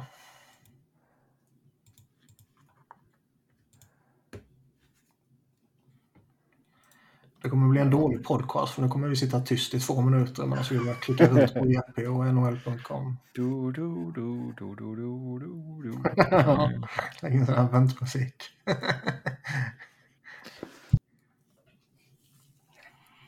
Ja, det är ju- Nej men alltså fan det... Det får man ju ändå... Ska man göra det på riktigt kan man ju inte ta den på uppstuds. Alltså den sticker ju den sticker ut, det gör den ju. Ja nej, men han kan man ju prata om. Men, men om man ska slänga upp andra liksom så... Ehm. Men jag vet inte, han har ju alltid känts som en eh, speciell karaktär och speciell spelare. På gott och ont. Och Ryan Reeves, 21 assist på 26 slutspelsmatcher de senaste eh, två säsongerna. va? Mm. Vad sa du? Ryan Reeves, Ja, en assist på 26 matcher. jag tror du sa 21. Ja, nej. Eh, ja, nej, eh, Alltså, det tar, det tar lite tid att lära sig uh, slutspelshockey också. Han har inte spelat slutspelshockey tidigare trots att han har gjort rätt många år i ligan. Josh Anderson, 6 poäng på 22 matcher. Ja. Det beror på hur stora förväntningar du har på honom. Sant. Men det är, alltså, han, han kan ju ha samma... Han kan vara i samma läge som övriga Florida här nu att man, man behöver lära sig slutspelet. Nino Niederreiter, 6 poäng på 21 matcher. Det, ja, kanske.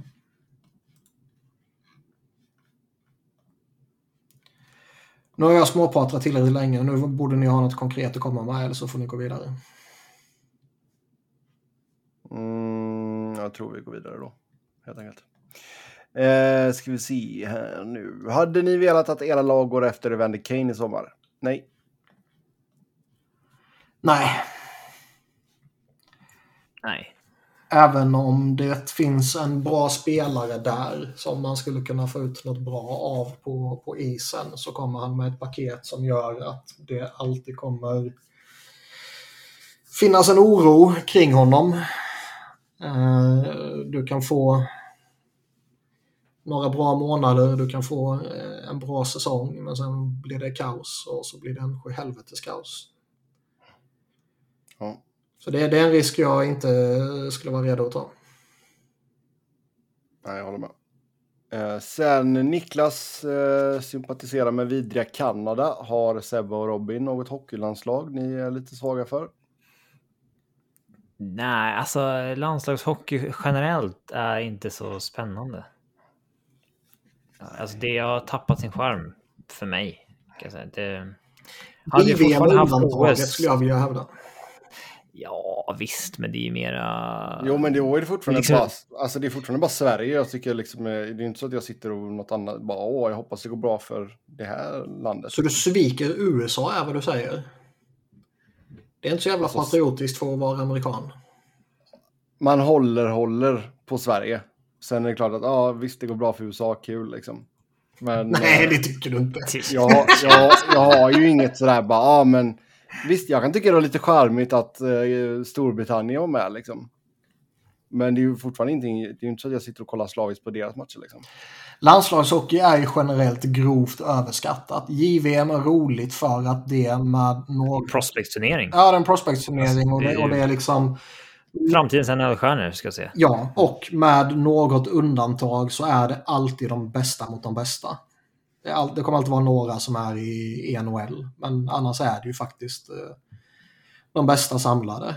Och eh, det blir oftast rolig hockey liksom. Eh, OS där det är eh, värdigt deltagande, det vill säga NHL-spelare. Det är så länge sedan. Finns, ja, det är så länge sedan, men där finns det ju en potential i alla fall. Liksom. Sen, Mm. sen tycker jag att eh, även 2014 var lite överskattat och eh, underhållningen var nog inte så jävla rolig som man vill få det till. det är ju så, det är över innan det hunnit börja nästan. Ja, att de spelar så få Det matcher. blir liksom lite, eh, man slänger ihop något lite snabbt mitt under säsongen och det blir lite, man flyger dit och sen landar man och så gör man en halv träning och sen ska man spela typ. Liksom. Då är egentligen VM lite mer värdigt att de faktiskt gör en liksom 11-12 matcher under turneringen och inte 5-6. Så är det ju. Men eh, problemet där är att det är skitlag. Mm. Skittrupper. Ja, det, det blir inte kul när det är en turnering där det Nej. är liksom 80 procent av alla som har fått frågan om att vara där har tackat nej. Liksom. Ja, det, lite så. tyvärr, men det, det suger. Mm. Det hade varit jättekul om VM var liksom som det en gång var, men det är inte det. Nej. Nej. Eh, sen eh, ska vi se här nu. Vem blir den mest attraktiva free agent-spelaren i sommar och vilken är er respektive favorit som är på marknaden? Men det är väl Gaudreau, eller? Ja. Ja, det borde väl vara Gaudreau. Bergeron räknas ju inte.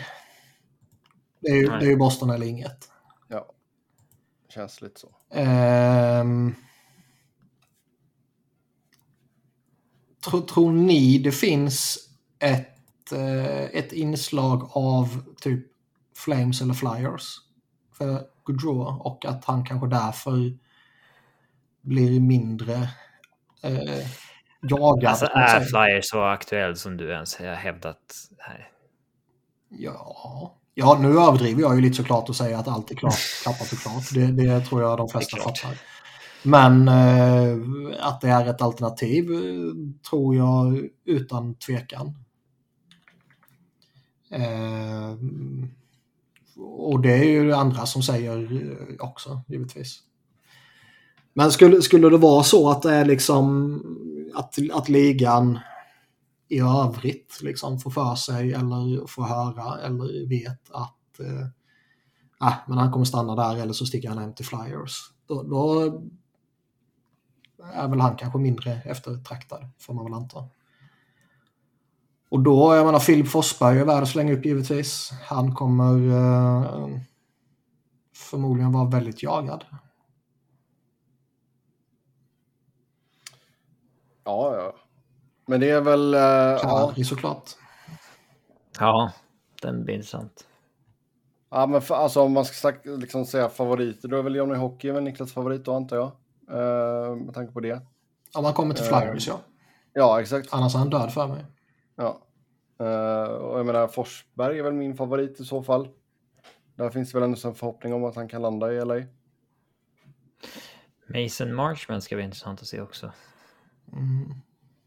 Hur högt han hålls på marknaden. Mm.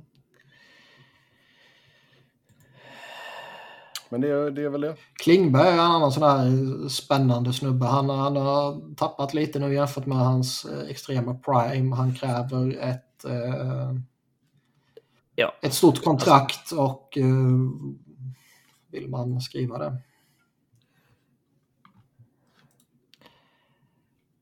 Nej, nej, där går man ju och tittar på vem, vem som kommer göra misstaget, så att säga. Mm. Eh, tror jag. Men... Eh, och det blir intressant att se om han får det där stora kontraktet. För det känns som att lagen har varit lite mer smarta senaste åren. Att det där inte riktigt sker i samma utsträckning. Att man alltid... Att det där kontraktet alltid finns där ute. Faktiskt. Mm. Ehm, Det skulle bli väldigt spännande att se vad som händer med Andrew Kopp om Rangers eh, gör något riktigt bra och han fortsätter vara bra. ja. Japp. Ja, sen var det någon som ville att vi skulle diskutera en... Euro måste vi nämna också. Det, men, eh, Ja, ja, nu har vi nämnt. nämna igen då. ja. Eh, det var någon som ville att vi skulle diskutera en tweet här från uh, Livs Updates. Eh, som skriver att Riley, Nemele, Sandino och Liljegren har potentialen att bli en av de bästa topp fyra backcorarna i NHLs historia. i deras historia. Ja. Det är väl lite... Det är en lite uppfackad åsikt. Mm. Det många... är inte så att Riley är något ma- alltså, magiskt heller. Nej. Alltså, han är ju... Han är ju inte topp 10 back i NHL. Nej. Ja, det, Nej, det där är ju seriöst något av det sjukaste jag har hört. ja, det var Max som skickade in denna. Tack Max. Ehm. ja, det är ju många... Och Många- nio med, alltså det är ju... Ja, third round pick som spelar i Finland. Alltså det, det, Ja, men liksom alla de tre, liksom, ja det är väl solida prospects typ. Liksom. De kan nog bli NHL-spelare. Men eh, herrejävlar alltså. Jag vet inte vad man kan eh, säga. Mhm. Många, eh, några roliga retweets på denna. Eller quote-tweets. Ja, nej, men det är så. ja, ibland undrar man om folk är seriösa eller inte. Det är svårt att säga. Jo, jo, herregud. Ibland så känns det som att Leafs fans spelar lite på den här egna grejen av att how does this affect the Leafs och sånt där. Ja. Man Jo, det är klart. Men och samtidigt, så jag menar, det, det mesta som handlar om Leafs får ju traction också. Liksom. Ja, och sen alltså ha potential att bli den bästa historien. Ja, men det, det har väl liksom. Det finns väl många prospect som har den potentialen om allting faller ut. Men eh, sen att det ska bli så, det är fortfarande en på miljonen. Liksom. Nej, det är ju mer än så. Det, det, det här är något av det dummaste jag har sett. Nej, här, men. Eh, alltså Sandin och Liljegren är ju två fina spelare. Men de är inte 18 längre. Vi har ändå en ganska god idé Nej, de är ju på väg. Liksom. Det, past their, their prime liksom. ja. ja, men liksom. Ja, men det är ju två bra spelare eh, som jag tror många lag skulle vilja ha. Men jag tror inte att. Eh, jag tror inte någon av dem kommer få någon Norris-röster inom fem år. Nej, det Ja. Ja, rolig grej, eh, ja, fullständigt absurd och galen åsikt. Det ska bli intressant att se vad som händer med PK-subban i sommar också. mm. PK Vad Men han det-. Alltså Ja. där tror jag så nog att det kan... Det kan nog bli något alltså kortare kontrakt där faktiskt. På en ganska billig peng. För att försöka få upp sitt anseende igen. Tänk om det är hem till livs för honom då? Mm. Eller hem till Habs bara av en liksom eh, Ja, popularitetsgrej. det lär ju inte hända. Ehm, Ja, men de har ju, det är ju inte Bergevin som styr längre där. nej. Mm. Ja, sen eh, så, ja, du nämnde ju den lite förut där Robin. Det var någon som ville att vi skulle snacka om den här tweeten från Magnus Nyström. Eh, Ja, alltså det är väl inte så jävla kontroversiellt sagt egentligen. Men... Han skrev att Colorado har inte målvakt och defensiv för att stoppa McDavid och Dreisaitl. Eh, Rangers har inte ett mästarlagsklass, ett mästarlagsklass och erfarenhet. Därför tror jag på Edmonton, Tampa i Stanley Cup-final. Ja, han har väl en god poäng i uh, Tampa Rangers-kommentaren antar jag. Eh, att Rangers inte är tillräckligt bra för att... Sen, det är ju för, det är fortfarande bara en gissning. Vad som helst kan ju hända. Ja. Eh, Det är, inte, det är inte orimligt att känna en tveksamhet inför Kymper heller. nej, men... eh, Sen, sen liksom, man har inte en defensiv liksom. Om, om man med defensiv syftar på, på backsidan så Då är det skevt sagt. Ja, som jag har sagt tidigare så är väl det här... Eh, man kan ju argumentera för att Colorados backsida är den bästa under lönetagseran. Och Mm. ehm, pratar man eh, defensiv i största allmänhet och, och inte bara backsidan så tycker jag väl också att det är lite väl hårt. Sen är det väl som, som vi sa, det, alltså stoppa de två. Det är inte rimligt att kräva att något lag ska kunna stänga ner dem. Nej. Utan det handlar om att, strypa dem och uh, outscora dem. Jo, men jag, menar från den synvinkeln så har jag, ju- då är jag ju mer orolig för Edmontons backsida mot Colorados forwardsida. Ja, Ja, det är ju det. Alltså, den, den matchupen är ju mera loopsided Ja, än tvärtom. Ja. För jag menar, du, du har, jag tycker ändå så Bouchard, visst han gör vissa bra grejer liksom, men det är ju inte en... Det är en backsida som kanske är 20-25 bäst i NHL. Någonstans däremellan. Alltså det finns ju de som håller Nurse jättehögt och håller Duncan Keith någorlunda högt och sådär, men där är inte jag liksom. Nej. Backsidan är ju skräp. Alltså på en slutspelsnivå så är den Jo, skräp. Alltså det var ganska länge sedan Keith var bra på riktigt. Ja, och Perry har ju tappat. Kodesici är inte bra. Nej. Uh, Kulak är okej pickup tycker jag. Han är en duktig spelare. Men... eh, Men- det spelar ingen roll vad Nurse tjänar här i slutspelet, men det är ingen 9 miljoners back tycker jag. Nej, nej, nej. Men sen är det ju, det här är också ett, återigen ett sånt här nytt typexempel på när eh, någon som inte liksom, har koll på det man uttalar sig om och har en stor plattform sprider dynga. Och den dyngan för många kommer framstå som en vettig och bra spaning. Ja, eller alltså, han jobbar ju inte med hockey längre på Expressen. Alltså, Eh, där- där är han ju bortpetad ifrån. alltså. Så att... Eh, sen twittrar han ju lite om, om det eh, själv. Men... Eh, eh, alltså... Jag, sen vet jag inte hur stor hans plattform är. Det är lite som de här, alltså all, de här äldsta Twitterkontona, typ Robert Laud, Magnus Nyström, Wikegård och de här, de har ju liksom en extrem mängd följare. Men Det är säkert många döda som- konton. Alltså, titta hur få likes och svar de får på sina tweets. Mm. Det är nog inte så många nuvarande konton, så att säga. Mm. nej. Det är inte som Rob, Robin on the Avs. Nej, jäklar vad jag får engagements på Ja, mina tweets. helvete. Ta snurr. Mm. Är du verified där eller? Nej, Ja. Eh, på temat svensk, svenska journalister så eh, ska vi se, vart tog den vägen någonstans? Om Mats Wennerholm hade skrivit om NHL, hur många lag hade han tippat som mästare under årets säsong? Ja, 82, 82 matcher, han hade hunnit ändra sig många gånger tror jag.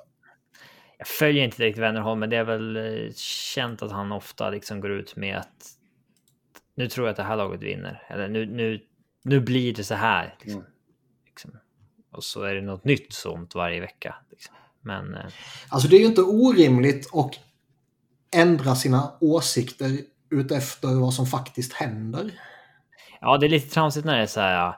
Ja, jag har tippat dem från början så jag får stå fast vid det. Ja. Ja, men nu har, nu har de ju tappat sina tre bästa spelare längs vägen så att du kan ju ändra dig om du tror att det här får ett annat utfall. Liksom. Så, så kan det ju vara. Liksom. Eh, Men han gör det ändå till en, eh, en konstform att eh, byta åsikter radikalt baserat på eh, liksom en En match omgång. i Ja. eh, november. Typ. Mm. Han tar det till sina extrema spetser. Men att faktiskt byta och ändra åsikter utefter vad som de facto händer är ju liksom det är väl rimligt. Sen kanske man ska göra det så extremt som somliga gör. mm. Ja, eh, sen har vi... Eh, vad jobbar ni med utanför podden? Ska Podden är mitt liv och mitt jobb. rabbla upp sina 50-11 jobb?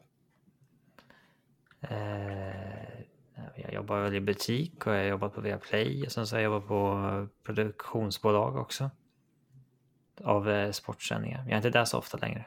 Men det är kul att jag, alltså jag gör grafik på hockeymatcher. Mm. Hockeyallsvenskan oftast. Så det är dig man ska klaga på ifall det inte sköts korrekt helt enkelt. Ja, visst.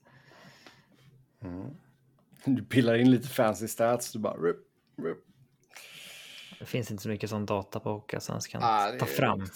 Det är dåligt. Får de lösa bättre. Ja, ehm, ah, jag jobbar ju, jag är ju journalist. NHL. Frilans? SV, ja. Han är till och med verified på Twitter.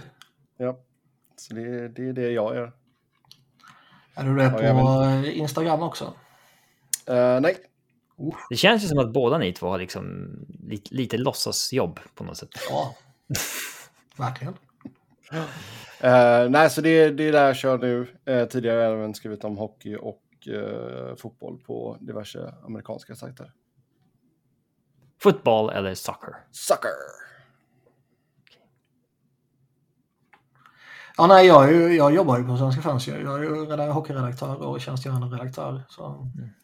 Det är därför vi inte får några pengar för den här Ja. podden. Jag Niklas bara tar allt själv. Ja. Därav eh, Robins kommentar om att vi inte har... Eller om att vi har låtsasjobb. Men eh, det är kanske är mer intressant att veta vart ni har jobbat. Du har jobbat på ICA, eller hur Niklas? Ja, jag jobbade på ICA när jag eh, pluggade. Och, eh, Vad pluggade du? Jag pluggade mediekommunikation. Och lite engelska och lite idrottsvetenskap och eh, filmvetenskap som jag har sagt eh, när vi har gått på lite sidospår. Och, eh, vill hävda att det är jag som har eh, liksom... Eh, Filmvetenskap och han har sån här extrem förkärlek till såna här jättedåliga B-actionrullar. Mm. Ja. men det är bara jag som har svart på vitt att jag har kompetensen. Ni är ju bara liksom... Eh, Du, jag Amatörer. har också jag har pluggat filmhistoria har jag tagit en kurs i, så det, det räcker. Du har jobbat på Ikea, Sebbe. Eh, I USA. Det är ja. lite häftigt. Oh ja, det har jag gjort. Ehm, ja, innan jag flyttade till USA så då jobbade jag på bemanningsföretag. Eh, och eh, var en... För det mesta var jag på, på Telias kontor i Göteborg. Jobbade front desk och intern service här. Eh, sen var man runt på lite andra ställen och var här lite allt i allo och sådär. Blir som ett bemanningsföretag. Vart praoade ni i högstadiet? Eh, jag var på Team Spot, ja, kommer jag ihåg. Eller var det inte Spot? Skitsamma, någon sån. Minns inte vart du var. Sen var jag på Något en... sånt. ehm, en, eh, vad fan heter det, någon, någon industri som gjorde lite möbler och sådana där grejer. Mm. Väldigt diffusa minnen från din praktik. Ja, jag körde ju Sveriges Radio ett par gånger. Uh, praktiserade där. Och sen uh, så jobbade jag jobbade ju även med radio när vi bodde i eh, Bakersfield. Eh, Vi får en annan podd till att gå igenom alla dina... ja, exakt. Det är alla flyttar Alla platser du har bott på. Ja, exakt. exakt. Så, Eh, men det är lite om oss i alla fall. Eh, men min Prao- bästa prao var ju när jag praoade på en pizzeria. det måste varit lite out of place där. I typ, alltså det var ju, vad snackar vi då? Femte klass kanske? Femte? Ja, Praoade man i femman i ja jag tror det var i femman. Femman eller sex, kanske att det var sexan. Herregud. Ehm, Vi hade första i åttan. Ja, jag har inte något minne om att vi gjorde det. Möjligtvis att man var typ- med typ på mamma och pappas jobb. Liksom. ja, nej, det var väl typ tre dagar eller någonting. Jag och min polare Erik praoade på Hagens pizzeria som tyvärr inte finns med oss längre. Erik? nej, Ha- Hagens pizzeria. Okej. Erik finns med oss. Men Hagens pizzeria finns inte med oss. Det har gått och blivit en thai-restaurang nu tror jag. Ja, sådana behövs också. Ja, oh ja, oh ja. Men man kan ju säga så att när, när, när jag jobbade ändå rätt många år på, på ICA där och när man jobbar i butik på det sättet så lär man sig hur många jävla idioter det finns i samhället. Ja, det, man, man blir väldigt trött på människor. Av att jobba med människor. Nej men så är det. Nu, nu har man det bra när man sitter vid service. datorn och slipper ha kontakt med här service. Ja. Ja, men alla, alla borde prova på ett serviceyrke någon gång i, livet bara för att man ska veta hur det är att ha ett sånt jävla jobb. Oh, alltså, ja, ja. det, det borde vara något lagstadgat. Sen är jag ju sån att är- jag kan hugga tillbaka och säga ifrån och, och liksom det här kunden har alltid rätt. Det är ju bara jävla lögn och hittepå. Oftast har kunden fel. Ja. Och det, den åsikten som jag an-. Tror att de ska... Alltså, nej, det, nej. Ja. Man kan ju inte hänga ut eh, vissa grejer som har hänt. Eh, Det, det, Nej, nej, nej. Kan man väl få skit men, för, alltså, men, sam, eh. samtidigt så är det ju också otacksamt i vissa, alltså, vissa grejer. Typ som när, man jobb, när jag jobbade på eh, självplockavdelningen på Ikea till exempel. Um, och säga att det var en vara som var... Kunderna ja. sköter väl självplocket ypperligt antar jag? Nej, det gör de ju inte. uh, och det är liksom mycket grejer som hamnar på fel plats och allt sånt där. För någon tar det först och sen bestämmer sig för att de inte vill ha det och så lägger de det på någon helt annat ställe och sen så är det någon som kommer och vill ha den varan och säger att ja, men det står att ni har en kvar i lager. Liksom. Ja, men då kan antingen vara att den är i någons korg redan eller på någons vagn eller så har de gått och lagt den någonstans där den inte ska ligga. Och så blir den kunden jätteupprörd över det. Och så liksom vet man ju inte, liksom, du, du får ju typ, säg att du får en, eh, beroende på varan så kan du få, eh, åtminstone då var det ju så att, då kunde du få ett fönster på att ah, men vi kommer få in det mellan de här datumen kanske. Det där hatar jag när en annan butik eh, skickar en kund till oss och säger att, och så kommer kunden och säger den här butiken skickar hit mig. Eh, de sa att ni skulle ha en kvar. Mm. Och det är så här. Ja. Jaha. ja, ja, ja. Vart är den då? Liksom. Det... jo, men exakt. Och jag menar sådana grejer är ju... Ja. Men, men. Men som sagt, alla borde prova på att jobba service, absolut. Um, hur högt rankas Vasilevski bland NHLs målvakter genom alla tider? Ja, han är väl inte uppe i någon topp 10 än. Utan det, det är väl en bit kvar. Man måste ju ändå...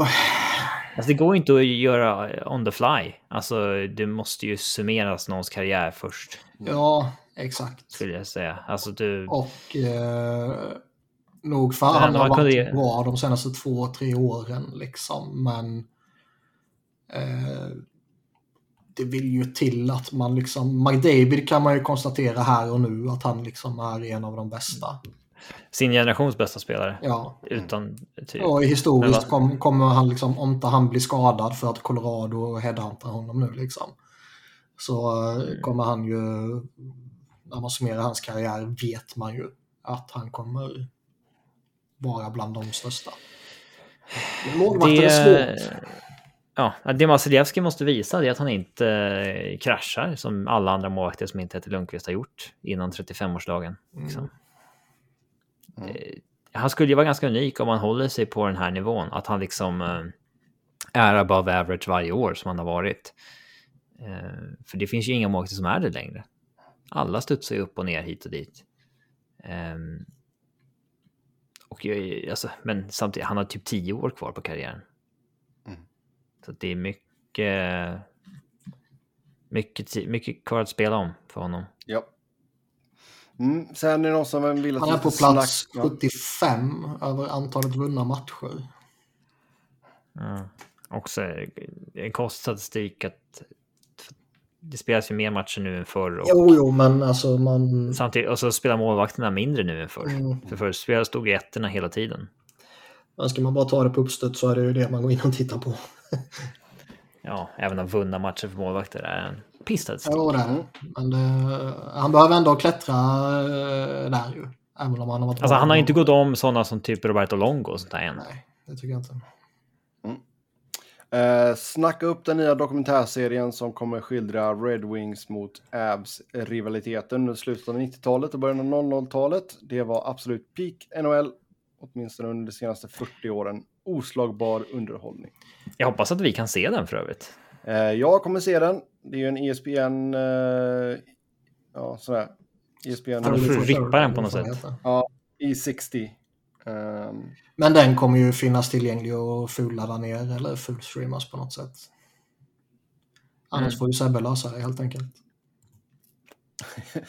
Skype-samtal när jag kollar och så Ja, sen hålla upp telefonen och filma tvn. Nej, det var skärmdelar för fan. De vill inte hålla upp.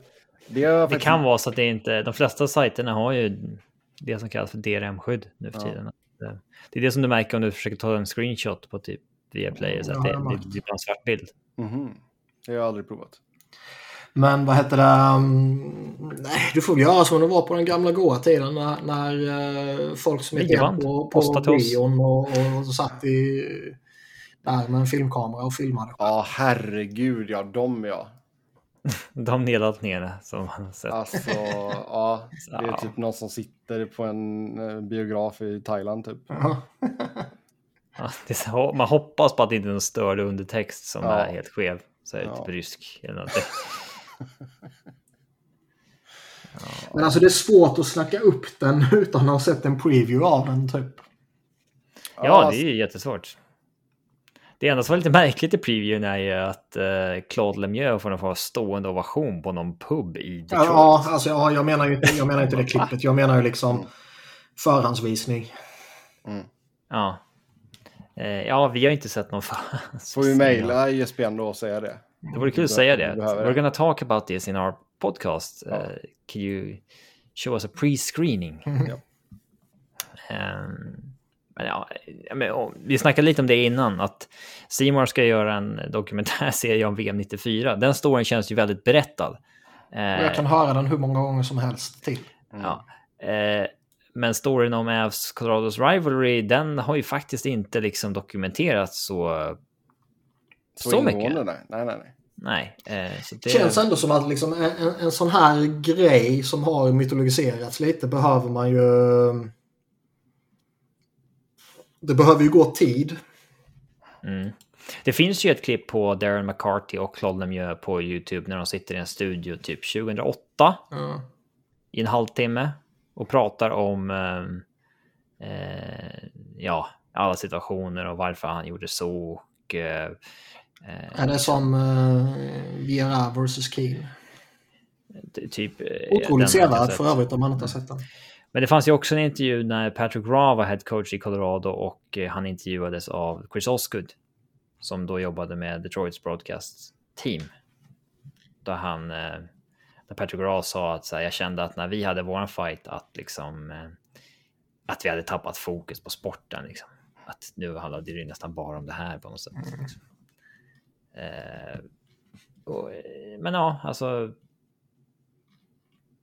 det passar väl nu. Liksom Iceman, Sakic leder varsin organisation. Resten av figurerna som var involverade då är inte har inte en officiella roller längre och liksom. eh, Nej, det är bra nu för det liksom de, de som är involverade kan, eh, med, med Sakic och Iceman undantaget, kan ändå prata relativt fritt. Mm. Och de sitter ju ändå. Ja, men det, är lite så här, det är lite häftigt att det är de två som. nu Ja, ja, och jag en menar även, även om de liksom... Det är i de två lagen. Då, då, det, då kan man ju fortfarande prata om det på ett annat sätt. Men skulle Sakic vara GM i, i eh, Flyers nu liksom så eh, eh, kan man inte prata lika fritt om alla saker tycker jag. Mm. Även om det blir liksom historiska tillbakablickar och allt sånt där. Men det, det blir en liten annan grej. Lite, lite svårförklarat kanske. Men, men eh, ja. Nej, det är bra läge kanske. Och tillräckligt lång tid har, har gått för att man typ ska ha... Alltså man, man kommer ihåg det stora men man har kanske glömt detaljerna. Och eh, eh, kommer bli en fin upplevelse att återuppleva det. Mm. Mm. Trailern har ju florerat på Twitter Mm. eh, som alla säkert har sett. Annars kanske vi kan retweeta den från poddkontot. Ja, det kan vi. Sen är den ju... mm, Det, det, det börjar pl- ploppat upp några sådana här nu, The Last Dance, som var fantastiska även om jag inte är någon basketsupporter på något sätt. Men eh, man undrar ju om det kommer bli lite fler sådana här inslag nu om den här lyfter också. Ja. Men i hockeysammanhang så finns det väl ingen liksom riktig era som att man kan göra någon grej av förutom Nej, men det kan ju vara all, all, bara allmänna tillbaka. Det kan handla om en spelare eller ja, en någonting spelare bara. eller någon uh, specifikt slutspel eller sådär liksom. Det, det finns ju ändå... Jag tycker det var Hitta, en story är ju inga problem. Ja, ja. Men det var tråkigt att vi inte fick en till säsong med Toronto. Faktiskt. Jag får titta på Arsenal-dokumentären istället. Ja. Det var, ja, Canucks Twitter verkar ha en normal dag. Vadå? Nej, Elias Petterssons eh, frisyr. Inte sett. Ah, Okej, Eh, han har rakat huvudet. Eh, Ja, alla bara ah. Han har tagit efter mig alltså. Ja, visst. Ja, eh, med det så tar vi väl och... eh, Hänger han i Växjö nu kanske? Mm. Man får gå ut och leta efter honom. Kanske har sett dig. Mm. Tänkte, oh, Vänd, där vill jag också se ut. om. Ja, yes. Då tar vi och stänger ner butiken för den här veckan. En sista grej, en- en sen ja, fråga. Okej, okej. Ja. Mm, mm. Eh, En scenfråga. En sen fråga, okej. En sen fråga, eller en sen fråga. Mm. Eh, lyckades Sebbe få någon tvättbjörn med sin giljotin i skorstenen? Eh, nej, alltså de, eh, de hade flyttat ut. Eller de var ute och sen så mm, liksom satte de upp sådana här stängsel och skit så att de inte skulle komma in igen. Det är lite hårt att bara Det- bomma igen någons bostad sådär. Ja, det är ju sådana jävla eh, freeloaders. Nej tack. Nej tack. Nej, det var ganska lugnt. Däremot så hade vi en... du hatar eh, alla djur är vad du säger liksom. Vi hade ett rådjur i... eh, På... Vad heter det? I dina fällor.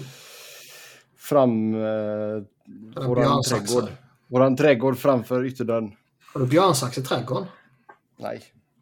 Då tog du upp eh, din AK och sköt bara. Schmack. Nej. Det var, det var mitt i Du natten. har ju rätt att försvara dig Sebbe. Så här klassisk Jimbo från eh, South Park. It's coming right for us. Ja.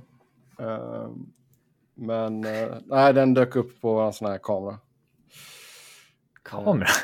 Kör du Ja. kameraövervakning? På... Ja, det är klart, På man har, ägor? det är klart man har en sån här eh, video doorbell. Herregud, har inte alla det? Nej, det känns lite Det USA. känns jävligt mycket USA. Ja, Jag har aldrig hört Vid- om det här hemma. okej.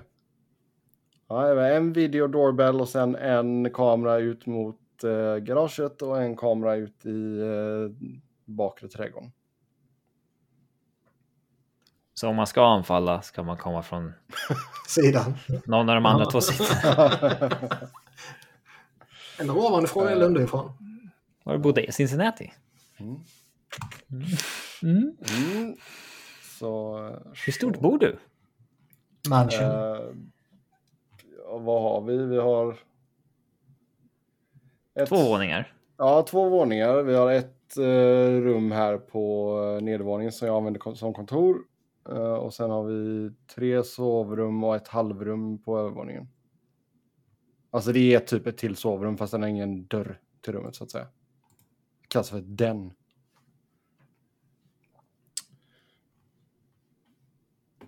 Så ja.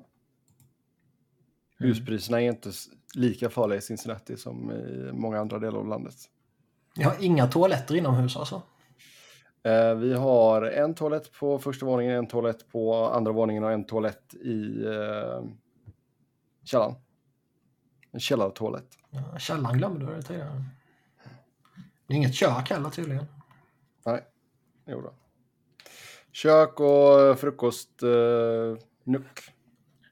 Har du mikro? Ja, Jag har hört om folk, att det finns folk som inte har det. Jag har inte. Det känns väldigt eh, off-brand. Alltså, ja, ja. du, du vill slänga in en fryspizza i mikron någon gång?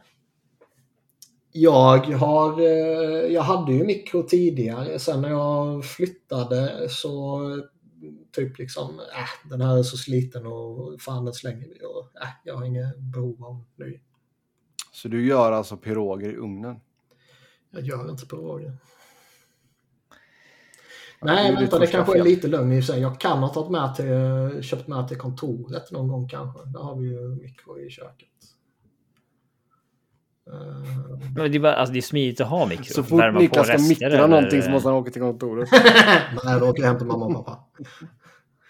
Eh, Värmer du värmer upp grejer i bastun istället. Nej, Har men... du tvättmaskin hemma? Vad sa du? Har du tvättmaskin hemma? Ja. Du har egen tvättmaskin, du har inte tvättstuga. Ja, både och. Jaha. Sådär. Vi har ju några tvättstugor som är, eh, men de, de, alltså, de är ju inte i, eh, i huset så att säga, utan det är ju olika, jag tror det är tre tvättstugor utspridda på området så att säga. Ja, okej. Men Jag kan säga, det saknar man ju inte. de använder man väl ibland. inte. Tvättstuga saknar man inte, soprum saknar man inte. Nej. Så, du menar eh, sakna soprum? Ja, alltså från att vara bott i lägenhet eh, hemma liksom. Man saknar inte ett soprum när man måste gå och typ sortera allting. Ja, vi har inte Jaha, så uh, noggrann sortering här faktiskt. Nej, det är bara samma alltihop. Förutom typ... Eh, Vi har ju så, låda med helt skrot vad om man vill, om man Mat, vill. matrester och sen resten. Typ. ja. Yes. Men källsortering finns väl inte i USA? Nej, alltså vi lägger ju allt återvinningsbart i en och samma... Allt är brännbart eller nedgrävbart. Ja, alltså jag, jag vet inte exakt hur de gör, men alltså vi har ju en, en tunna för... De lägger det för förmodligen på åter- marken och sen skjuter de på det med en hagelbössa. En Nej, inte hagelbössa, men en AK. Ja. En tunna för återvinning och en tunna för allt annat skräp. Har ni sett den här, på tal- när du snart skjuter på det? Det finns ju ett legendariskt klipp på när det är någon jävla val eller någonting som har swishat upp på en strand i någon någonstans i USA. Nej, Det finns ett nyhetsinslag om hur de ska ta bort den. Och då skjuter de den. Nej, men de Okej. bestämmer sig för att de ska spränga skiten. Alltså de ska spränga den i små bitar. För att då kommer liksom Seagulls att käka upp den och, eh, och så vidare. Här, de, de bestämmer sig för att den är för stor för att gräva ner. De kan inte pusha ut den i vattnet igen. Och eh, ja, så de bestämmer sig för att spränga skiten. Ja, alltså det är inga spoilers, men det går inte bra. det, kan vi, det kan vi lugnt säga. Ja, okej. Eh, den kan jag också försöka hitta. i- Det är ett väldigt komiskt inslag. Exploding Whale 50th Anniversary Remastered. Perfekt. Jag skickar ut från poddkontot. Den får ni titta på direkt efter. Den är helt störd. Ja. Yes, då tar vi det och säger tack och adjö för den här gången. Som vanligt så kan ni köta hockey med oss via Twitter. Mig hittar ni på @sebnorden, verifierad. Niklas på Niklas Wiberg, Niklas med C, Wiberg med enkel V, Robin på R underscore Fredriksson. Podden hittar ni på SV Fans NHL-podd, podd med ett D. Tills nästa gång, ha det gött, hej! Undrar om vi kunde få poddkontot verified? Det är nog inte, o- det är nog inte omöjligt. Men det känns också lite off-brand. Kan vi ha det i bion? Sveriges enda verifierade podd. NHL-podd. Inte störst, men först och verifierad. Titta på det här jävla inslaget. Helt stört. Stäng av inspelningen nu, Niklas. Det är så uppenbart att det... Att det liksom bara hittar en ursäkt att spränga skiten. Liksom. Det är så, sjukt, det är så patetiskt att man måste hitta en ursäkt. Spräng den bara liksom. Ska du stoppa inspelningen? Eller? Jaha.